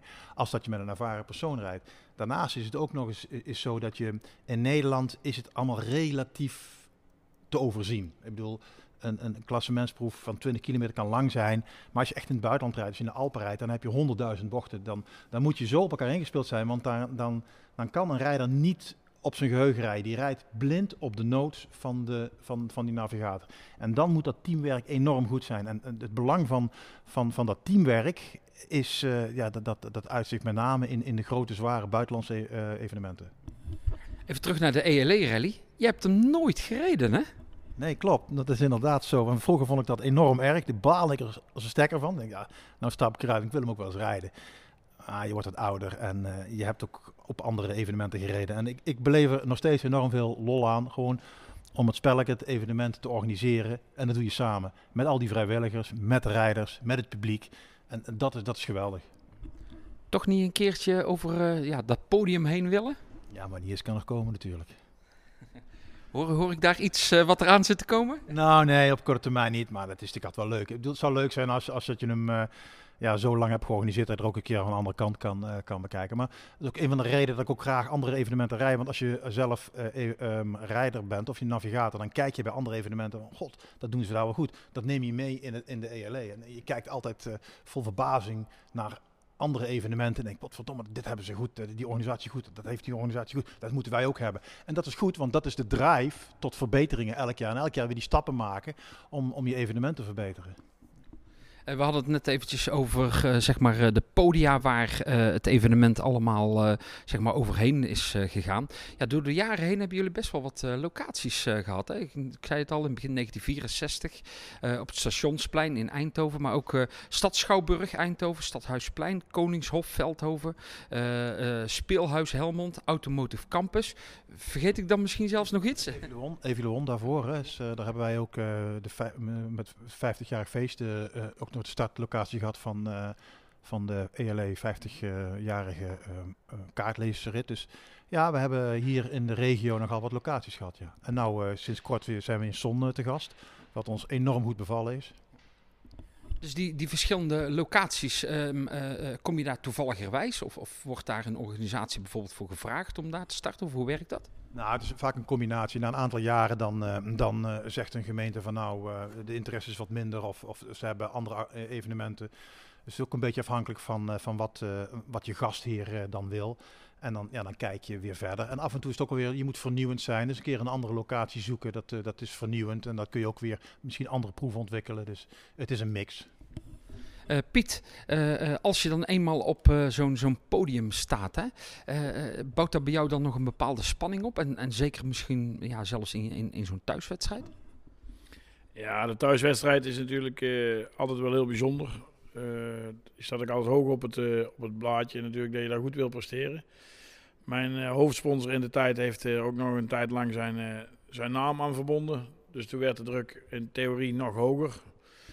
Uh, ik ben niet iemand die er echt mega last van heeft van de druk. We willen dan wel goed presteren, dus we doen wel goede voorbereidingen. We zorgen dat het allemaal voor elkaar is. Maar uh, de, de ELE uh, komt dan ook nog een keer door mijn eigen dorp, door mijn eigen mensen. op een gegeven moment reden we zelfs bij mij over de stoep. Dus ja, dat is wel altijd iets heel bijzonders geweest in het jaar. En daar werd wel heel erg op gefocust dat dat toch wel zeker een, een, goed resultaat neergezet moest worden. En dat het uh, voor ons wel ook het mooiste evenement is door al de combinaties bij elkaar. Uh, als, je, als je dan gaat kijken, want je begint er zelf eventjes over, over Wintel, Wintel Ree. Ja, die, die, die, ja, je zegt al, als je zo de bocht uitkwam, dan reed je bij jou zeg maar over het, over het erf heen. hoe is die proef tot stand gekomen? Die proef uh, die is uh, tot stand gekomen door de vader van mijn toenmalige navigator. Die heeft zich daar heel erg voor ingezet. En uh, ja, die heeft er werkelijk een, een heel mooi geheel van gemaakt. dus ontzettend goed ontvangen in het dorp. Eerst was ik nog een beetje bang of dat het allemaal wel positief zou zijn natuurlijk. Maar dat is 300% meegevallen. Alle mensen waren heel actief. alle buurtschappen deden dingen. Heel de bevolking was in één keer met de ELE bezig. En dat, ja, dat doet je natuurlijk wel wat. En zeker als je dan in, in de, top, uh, de top meedraait van zo'n wedstrijd, dan uh, is dat een, uh, een compleet mooi spel. Was 2008 volgens mij zo'n beetje, hè? Ja, 2008 is, die, is dat begonnen bij ons in het dorp. En in 2009 hebben we hem toen mogen winnen, dus toen was het, ja, toen was het helemaal het feest natuurlijk.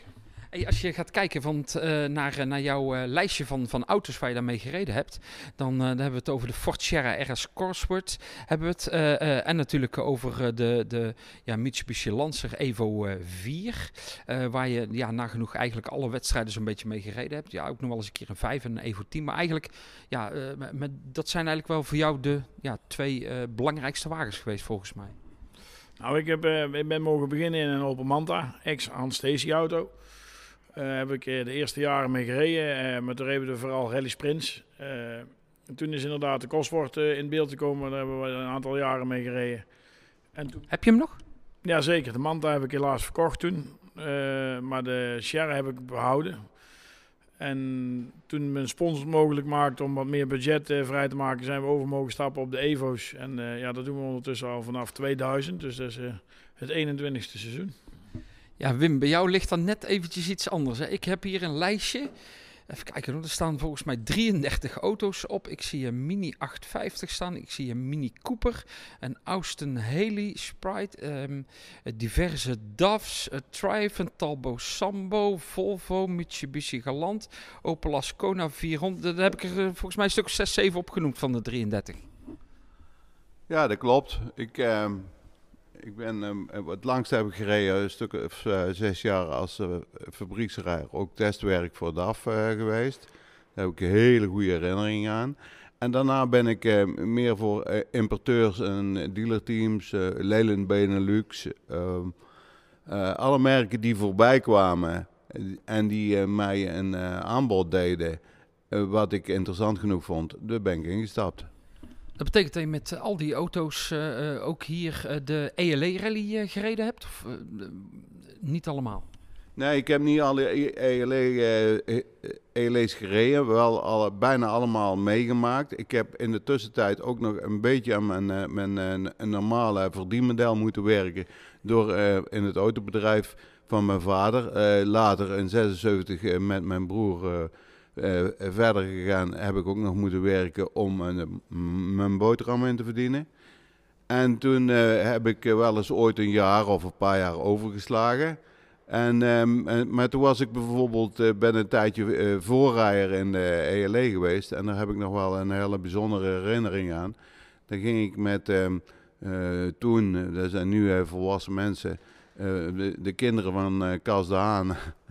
Eh, eh, die zaten bij mij in de auto als hulpjes. En dan ging ik een uur vooraf eh, ging ik, de proef af. Om te kijken of ze in orde waren. En omdat ze rijvaardig klaar stonden.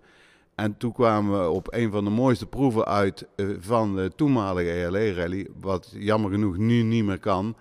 Een proef van 22 kilometer in de bossen, zomeren. Dat was de laatste proefnotabene van de ELE uh, toenmalig, s'morgens, morgens vroeg, hadden we al een hele nacht erop zitten. En, maar dan kregen we nog een keer 22 kilometer puur bosproef. Nou, dat was altijd een kolfje naar mijn hand, want ik was gewend om in Afrika, Portugal en de ARC alleen maar onverhard te rijden. Maar die proef, wij komen op die proef en die proef was niet klaar. Er was nog niks uitgezet. En uh, de, de, de, de club die er stond was, geen, was een club uit het noorden. En die, die waren allemaal een mopperen, want uh, de, de mensen waren niet gekomen. En uh, ze stonden er allemaal met een boel mensen bij elkaar. En zeiden, ja, deze proef moeten ze maar aflassen, want die krijgen we nooit meer voor elkaar. En toen uh, hebben wij al die borden achter in mijn auto gegooid. De, de, kinderen van Kas achter in, een, in een open bak. Al die borden als een haas tegen de bomen aangezet. Er was, uh, we hoefden toen in het bos weinig wegen af te zetten. En uh, we hebben binnen een uur hebben we toch een 22 kilometer proef voor elkaar gekregen dat hij op snelheid gereden kon worden. Nou ja, dat was natuurlijk geweldig. En zeker als slotproef. Ja, prachtig, prachtig om te horen. Um, dat was eigenlijk kantje boord dat die proef dan uh, eigenlijk verreden zou, uh, zou worden. Zelfs dat hij eigenlijk niet door zou gaan. Um, Radboud, jullie hebben meer van dat soort momenten gekend in de ELE-rally. Uh, ook de 25e editie, heb ik begrepen, was er eentje op zijn kant. Waarbij anderhalve week van, van tevoren, voordat de rally startte, eigenlijk nog geen vergunning werd afgegeven. We, weet je hoe dat, dat toen destijds gegaan is? Ja, dat kan ik me nog wel herinneren, want dat was net de tijd dat, dat ik er als, uh, als jong broekje bij kwam. Uh, en ik vond het natuurlijk allemaal prachtig om al die verhalen te horen. Dat we bij Cas de Haan op de zaak uh, elke avond permanence week hadden. En dan iedereen die deed dan zijn, zijn, zijn ding. Maar dat toen werd het nog allemaal georganiseerd van... Ah, jongens, ik, ik heb gesproken met de burgemeester en die zegt dat het goed komt. En jongens, ik heb een biertje met hem gedronken, komt allemaal wel goed. nou, het werd langzamerhand is, is dat hele vergunningstelselsysteem in, in, in Nederland anders gaan worden. En ja, en dan werden er ook uh, terecht ook meer eisen gesteld ten aanzien van de veiligheid. De verkeersintensiteit wat groter, meer mensen in een auto, kwamen meer mensen wonen. En dan wilden dan toch nog wel op snelheid rijden daar. Dus ja, we, we werden opeens ook door de KNAF geconfronteerd met het feit van ja, zo gaat het niet. Want er is eerst geen veiligheidsplan. Nou, hals over kop iemand aangetrokken die, uh, die dat op een, op een goede manier kon op, op, opzetten. En die heeft toen het veiligheidsplan uh, opgezet. En dat was inderdaad letterlijk dat wij op op donderdagavond uh, laat, 12 uur pas de vergunning kregen. Ja jongens, we kunnen rijden, want het is niet wel goedkeur. Dat waren toen de tijd ja, net een omslag van ja, zo gaat het niet. We moeten, we moeten meer innoveren, we moeten het anders gaan aanpakken. Dus het jaar erop, de 25 jubileumuitvoering, zeiden van we moeten hem natuurlijk wel organiseren, maar we kunnen het niet meer zo doen, zo groot zoals dat we het verleden gedaan hebben. Dan hebben we een, een, een stapje terug gedaan om daarna te zorgen dat je dan weer goed terug kunt komen. Dus we zijn toen naar een nationaal evenement gegaan, niet een internationaal evenement. En die 25e is toen uh, met beperkte kleinere proeven enorm succesvol verlopen en ook veilig verlopen. En toen zijn we langzaam uit gaan bouwen naar uh, een, een, evenement zoals we die nu kennen. Als we dan gaan kijken, Piet 1990 was voor jou de eerste maal dat je de wedstrijd ging, ging rijden. de ELE Rally was er volgens mij. Of was het toen nog een, een andere wedstrijd? Nee, toen was het de ELE Rally uiteraard.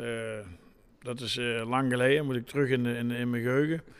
Die, uh, die werd mooi gereden, maar dat was het een, een uithoudingswedstrijd. Voor, uh, vergelijking tot hetgeen wat we nu gewend zijn. Het was een start ergens in de, in de middag. En dan werd er gereden tot het morgens het licht weer opnieuw aanging. En dat was een slijtageslag voor, voor het hele team. Dus daar bedoel ik mee de auto. Want de auto's waren in de tijd niet zo betrouwbaar als momenteel. De techniek was anders. Uh, je moest meer met je hoofd rijden, want anders had je na drie proeven al geen auto meer over. Uh, je service team was enorm belangrijk, want er moest in de tijd nog echt, dat kwam achter ons aan. Dus als we een proefje hadden in, uh, in Luiksgestel en we hadden dan het volgende proefje in, uh, in, in Sint-Oederode, dan moest de hele tijd heel het service team erachteraan. Nou, dat was wel een zorg, want dat waren natuurlijk allemaal geen kaartlezers, dat waren monteurs.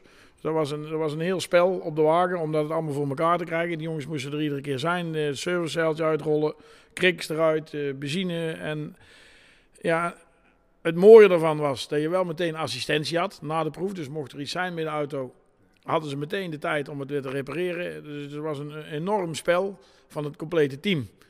Ehm, dat was een enorme beleving voor iedereen. 1990 hebben we het over. Uh, Wim, uh, ja, voor jou ook een uh, bijzonder jaar wat dat betreft. volgens mij, jouw vader lag op dat moment in het, in het ziekenhuis. En jij had een volgens mij fantastisch aanbod in één keer gekregen. Nou, ik had dat jaar van Lancia de, het aanbod gekregen om zes wedstrijden te rijden in de integrale, de ex... Um, Cancun auto van de fabriek. daar heeft later ook nog Henk Vossen mee gereden. En toen um, is hij een jaar aan, uh, aan mij vergeven. En um, toen heb ik eerst de Hellendoorn Rally als proef gereden. Um, uh, en toen de ELE. Mijn vader uh, was toen in 90 stervende, is in augustus overleden.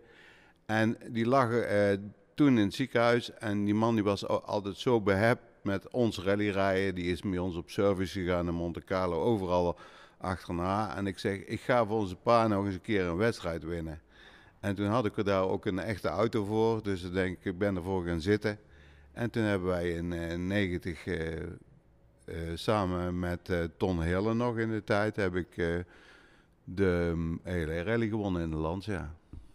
Je vertelt het nog steeds ja, met passie, met, met, met een big smile zeg maar, op, op je gezicht. deze bijzondere overwinning dus. Ja, ik, ik, kwam de volgende dag in het ziekenhuis en uh, er stond een grote krantenkop, Luibrechts wint ELR rally. En, en mijn vader die was toen al, al, al, minder spraakzaam. En ze zeiden, die man is er een beetje af. Maar ja, als je Parkinson en dergelijke hebt en nogal veel mankementen, dan, dan word je al snel niet meer voor vol aangezien. Terwijl dat hij daar in mijn ogen nog wel was. Dus je had alle broeders en zusters helemaal gek gemaakt, heel de dag met die krant. Ze moest, iedereen moest die krant uh, lezen. En ik kwam s'avonds en toen zei uh, de bevolking in het, in het Sint-Jozef ziekenhuis... Ja, die man is wel heel lastig en vervelend vandaag. Ik zeg, nou, hij, volgens mij heeft hij die krant hier de hele dag willen laten zien. Ja, en, en, zeiden ze toen. Ik zeg, nou, er staat Luibrechts boven. Wat staat er op de naamplaatje van zijn bed? Staat toch ook Luibrechts? Gaat er bij jullie een lichtje branden of zo? Ik zei, nou, ik ben toevallig zijn zoon. En hij is nu, hij wil zijn trots aan jullie overbrengen. Ja, ja en dat vind nog steeds heel fraai, ja. De ELR Rally kent uh, niet alleen uh, zeg maar hoogtepunten, kent ook een uh, dieptepunt. 1996 een tragisch einde van, van de rally, waarbij op klassement Pro 4 Jan Kees van Zandvoort overlijdt. Um, de wedstrijd werd afgelast. Um, wat doet dat dan op zo'n moment met een organisatie? Ja, dat zijn allemaal scenario's die wil je natuurlijk niet meemaken. Maar aan de andere kant, het is natuurlijk wel inherent aan de risico's van de sport die het met zich meebrengen. En je schuift het allemaal vooruit. Maar op dat moment, dan overkomt het je toch.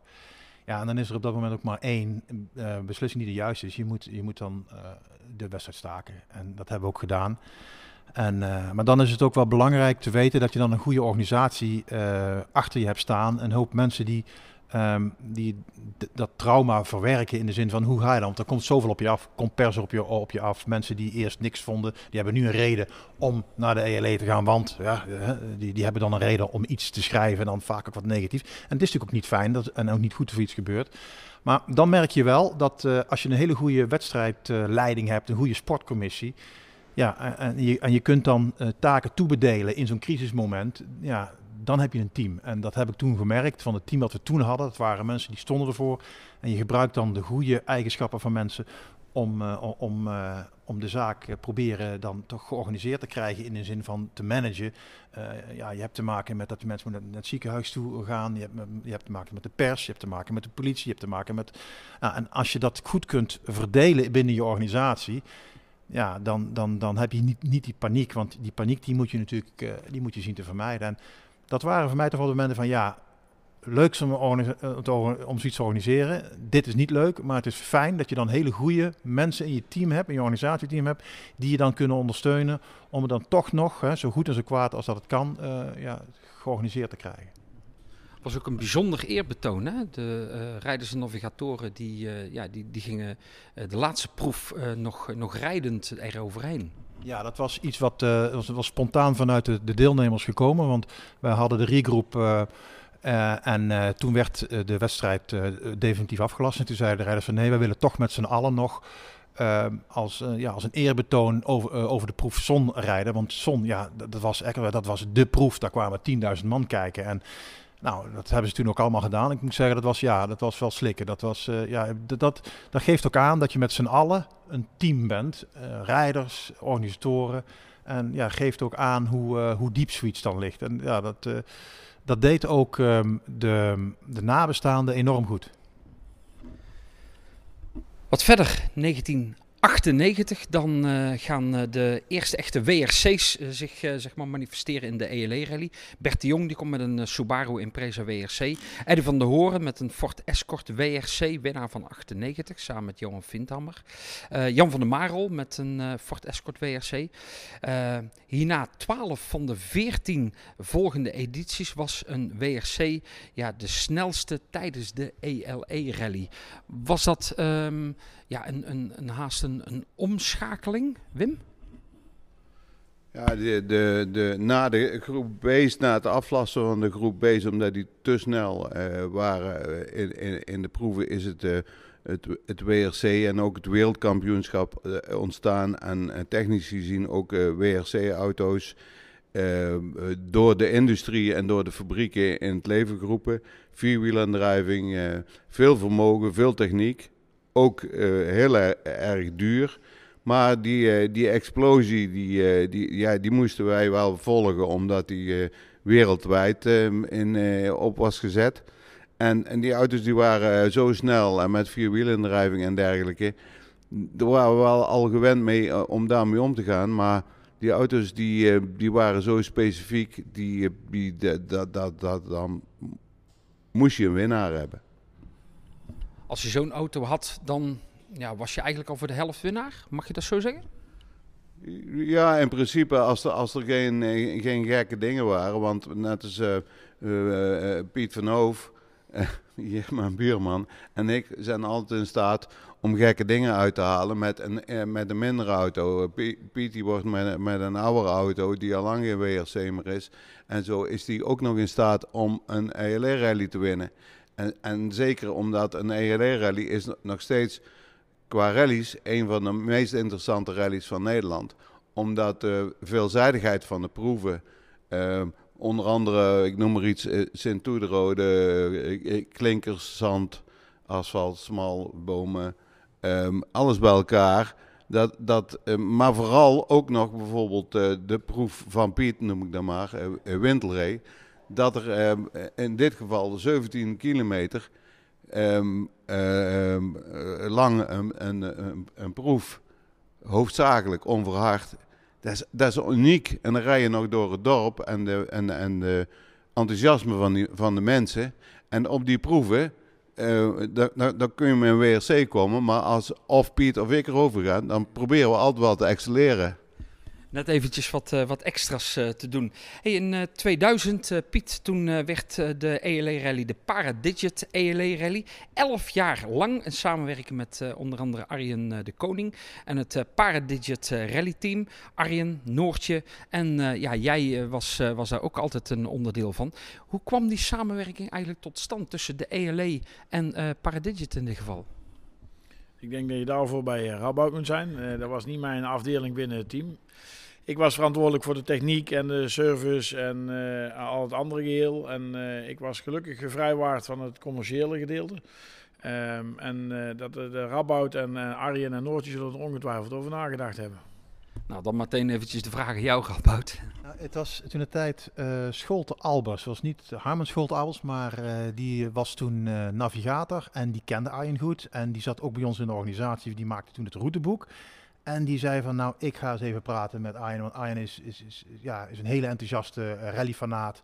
En hij is nou bezig om, om, om, om zijn hobby nog serieuzer te doen. Dus toen is het uh, gekomen ja, en met Arjen hebben wij uh, vanaf het eerste moment altijd enorm goed uh, kunnen samenwerken. Niet zozeer alleen iemand die de financiële ondersteunen, maar ook als rallyrijder en als ondernemer hebben wij heel vaak ja, gesproken met elkaar. Hoe kun je dit doen? Kijk, een, een, organisatie van een rally is ook een onderneming. En als je dan kunt, kunt battelen met iemand die, die het spelletje rallysport ook begrijpt en die ook weet wat het is om een on onderneming op te zetten ja, dan is het 1 plus 1 is 3. Dus, dus we hebben aan, aan, aan die ondersteuning bij, bij, van Arjen van Paradigit niet alleen financiële voordelen gehad, maar met name ook in het niet-financiële. En uh, ja, nog steeds. En, ik bedoel, 11 jaar lang um, hoofdsponsor zijn, dat is uniek hoor. Dat, is echt, dat betekent dat het niet alleen om de centen gaat, maar dan gaat het ook om de vriendschap.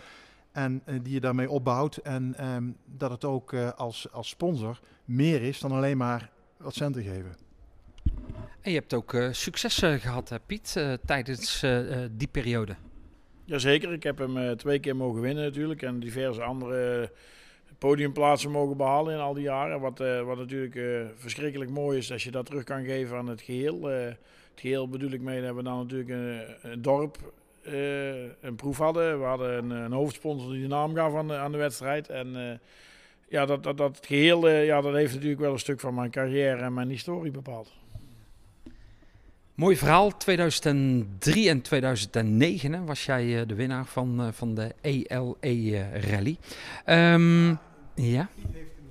Als je gaat kijken naar, naar de podiumplaatsen, Piet heeft, nou, heeft één keer, hij zal het daar wel, wel vertellen, op drie tiende tweede plek gehaald. Hè? Op drie tiende seconden. Hij is heel vaak tweede geworden. Dus ja, Piet is natuurlijk binnen, binnen Eindhoven als, als streekrijder als je dan gaat kijken naar de laatste 10, 15 keer, ja, hij zit er altijd bij. Uh, en, als je dan weer, en als je daar weer terug gaat kijken, dan, dan kijk je naar Wim. En die zat er ook altijd bij. Daar, daarom is het ook zo leuk dat die twee eigenlijk de hele ELE-historie hier aan de tafel zitten. Dat is wel leuk. Mooi om te horen. Um, heren, ik heb voor jullie uh, vijf stellingen. Die uh, mogen jullie uh, met ja of met nee beantwoorden. Wim, de eerste voor, is voor jou. De ELE-rally was in de jaren 70 gemakkelijker uit te rijden als heden ten dagen. Nee. Oké. Okay. Radboud, als je een rally wil organiseren, moet je eerst zelf rally gereden hebben. Ja. Piet, de mooiste klassementsproef is Wintelree. Uiteraard. En dan uh, wil ik uh, graag voor jullie alle drie uh, zeg maar een reactie. Als ik het voor het zeggen had bij de KNAF, bestuurssectie rallies, zou ik direct een aantal wijzigingen doorvoeren. Nee, nee, nee. Mag ik daar een lang, langer antwoord ja, op geven? Zometeen. Zo meteen. Nee. Nee. En tot slot, de ERE, de ELE rally is de mooiste rally van Nederland. Ja, uiteraard. Dat is de mooiste. Ja. Ja, maar ja, als ik dat zeg, is het niet. Maar ja. Goed zo. Hey, um, Uh, Wim, uh, tussen 64 en 74 was de ELE een, een kaartleesrit. Uh, in 74 werd het een, een, een snelheidsrally. Um, gemakkelijker, niet gemakkelijker? Nou, de, de, die kaartleesrallies die waren zwaar omdat je dus geconcentreerd was op de openbare weg met andere deelnemers. En dan nog eens een keer hard aan het rijden was. Onder eigenlijk een beetje te lange omstandigheden, omdat je dag en nacht door, doorging. En dat is tegenwoordig niet meer aan de orde. Want ik heb nog meegemaakt dat ik bijvoorbeeld rallies reed. Een week lang een rakrally met 75 proeven. En dan werd er ook weinig geslapen hoor. Dus wat, wat, dat, wat dat betreft kan dat niet meer. Uh, Routbout, um, ja, als je een rally wil organiseren, moet je eerst zelf een rally uh, gereden hebben. Um, ja, de ELE heb je dan zelf niet uh, gereden. Maar toch vind je wel dat je wel ja, rallies gereden moet hebben. Waarom? Ja, ik denk, mm, je, kijk, je kunt een wedstrijd organiseren. Dan is het gewoon organiseren en klaar. Maar het is de beleving van de sport die je in het evenement moet brengen. En ja, dan zie je toch wel dat uh, die organisatoren waarin uh, de, de, de organisator een, een, een verleden heeft, het zij als rijder, het zij als navigator, dat zie je terug in, in, in die evenementen. En dat is toch goed. En um, je ziet ook heel veel dat uh, evenementen die, um, waar de, de organisatie dan niet dat verleden heeft, die vragen dan toch heel vaak bekende rallyrijders om zitting te nemen in de organisatie. Want je moet die beleving, die sport, die moet je brengen in het evenement, anders wordt het veel te klinisch. Ja, en jullie allemaal uh, stelden ik de vraag van... Uh, uh, nee, ik moet eerst nog eventjes naar Pietja. de mooiste klantsegmentproef is, is Wintel Ree. Um, puur omdat hij bij jou in de achtertuin ligt? Nee hoor. Nee, hoor. nee. Vind ik zelf ook. Ik denk niet dat dat. Uh, ik denk dat ze daar een uniek gedeelte bij elkaar hebben gebracht. En dat is uh, uh, mooie technische wegen, dus snel, landelijk. Met, gecombineerd met, met hele, hele mooie, snelle zandstukken erin. Wat onverharde gedeeltes, waardoor je natuurlijk met, met 180 tot 200 km per uur over een zandpad heen scheert en er ook nog een bocht in zit. Dus niet alleen rechtdoor. Uh, dat, is, dat is iets unieks wat we, wat we eigenlijk niet kennen in, in, in heel Nederland. We kennen wel wat zand, maar dan wordt het klapzand en dan hebben we geen snelheid. En we hebben een haaks bochtje op zand, wat ook absoluut mooi is. Maar dit uh, zo in, in de zesde versnelling uh, en het gas onder op de bodem. En dan het stuur draaien voor de bocht, dat we de goede kant gaan en het gas niet dicht doen. Dat is wel echt uniek aan proefwinterij.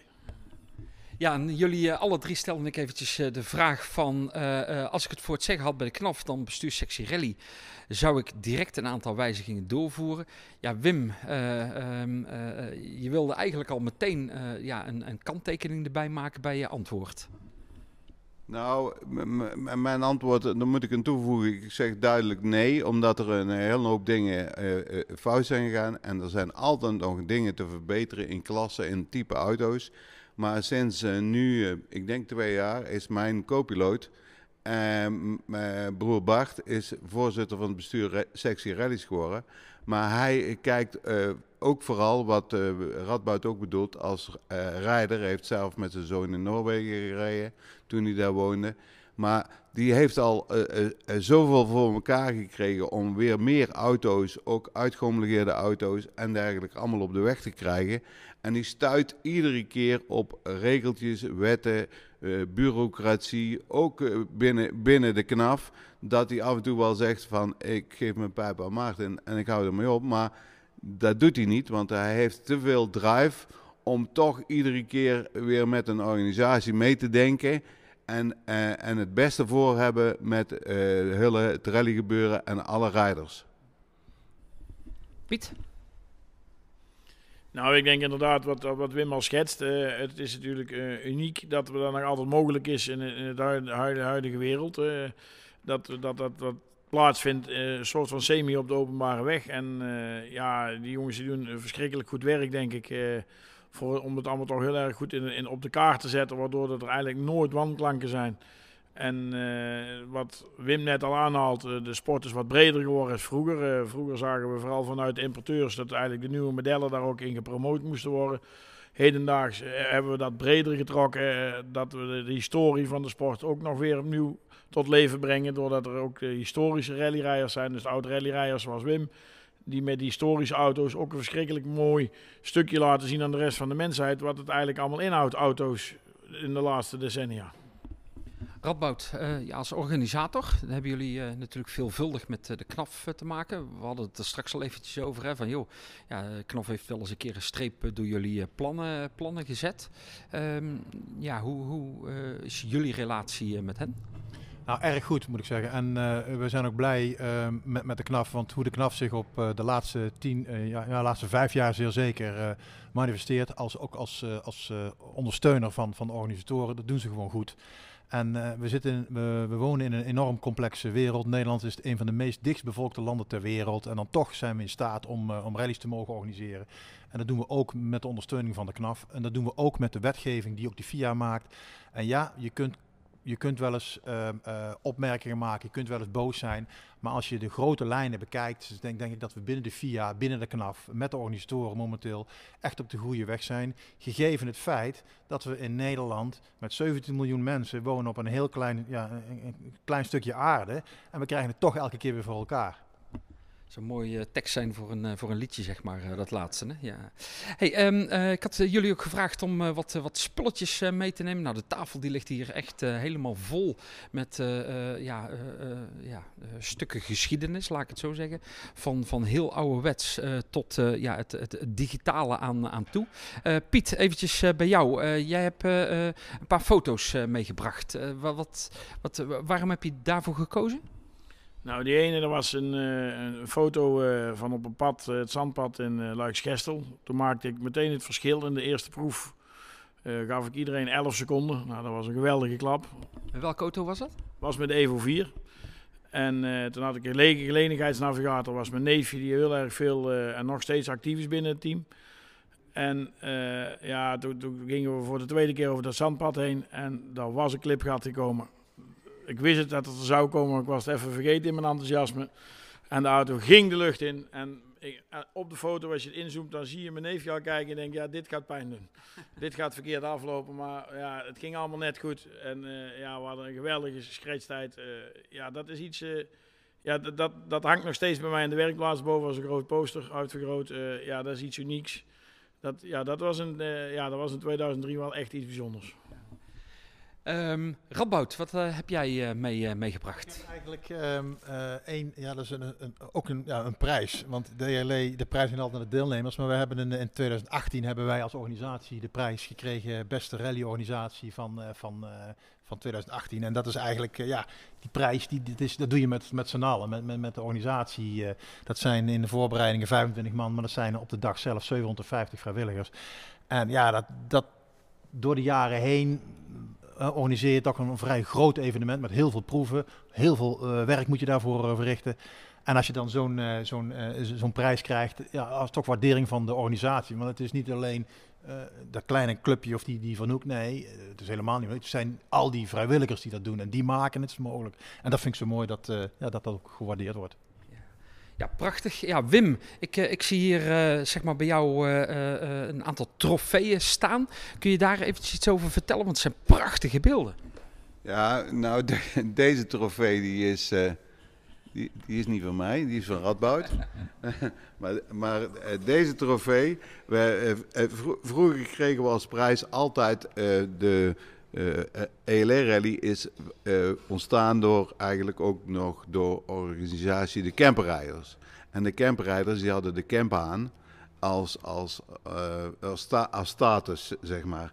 En wij, ik heb, als ik alles, alle kippen die ik heb verdiend in het verleden, dat ik die meebreng, dan heb ik hier een hele kiprok vol. Dus die heb ik maar laten staan. Maar ik heb deze bijzondere prijs, de, de, de grootste eh, haan, zeg maar, want ik noem het maar kippen, maar de grootste haan, want dat is de camphaan, die is, uh, uh, dat is een wisselprijs van de camperrijders in het verleden geweest. Er staan een, namen op van de mensen van de allereerste ELE-rally, die later ook in de, in de organisatie voorkwamen, maar ook als winnaars. Maar je moest hem uh, drie keer gewonnen hebben. Die, uh, die, de beste camperrijder, zeg maar. dan kreeg je deze bokaal. En die heb ik, eh, als ik dus hier snel kijk, in 1970, 1971 en dan staat nog Ad Haans en Benny Klaus. En, nou, in ieder geval in 73 toen ik gewonnen heb, ja, toen kreeg ik die beker en of die, deze mooie haan op die houten sokkel en die mocht ik toen houden prachtige verhalen om zo eens eventjes uh, terug uh, te halen. De Eindhoven-Luik Eindhoven Rally. Ja, zo zijn we aan het, uh, aan het einde gekomen. Volgens mij zijn er nog vele verhalen meer die wellicht achterwege zijn gebleven. Ehm, maar dat betekent wel dat we nu in ieder geval aan het einde zijn gekomen van deze tweede aflevering van de NL Rally Sport podcast. Dank aan Wim Luibrechts, Piet van Hoof en Radboud van Hoek. Wim, ook bedankt dat we vandaag hier bij Bulls Motors en Motorsport in Motion bij Kevin Happering in Valkswaard eh, te gast mochten zijn. En dank aan jou, dank om naar deze tweede NL Rally Sport podcast te luisteren. De eerste podcast met Bob de Jong is nog steeds te beluisteren via Spotify, Apple en Google Podcasts.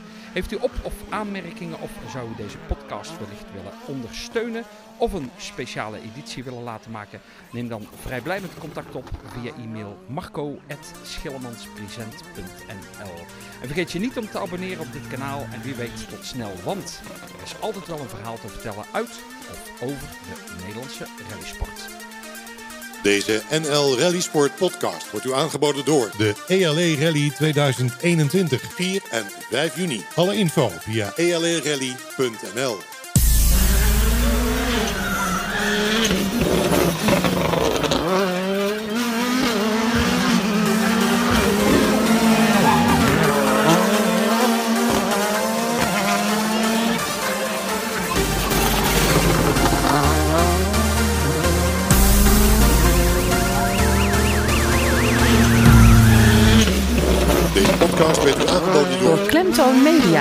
Partner in podcasten.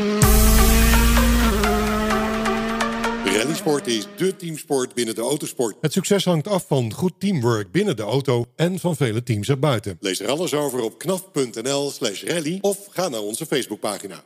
De Autosport Company in Waalwijk is 4000 vierkante meter autosportplezier. Voor onder andere autosportbenodigdheden, afstellen en meten van auto's op onze 4x4 rollerbank, uitlijnen en uitwegen, cursussen en nog veel meer. Autosportcompany.nl.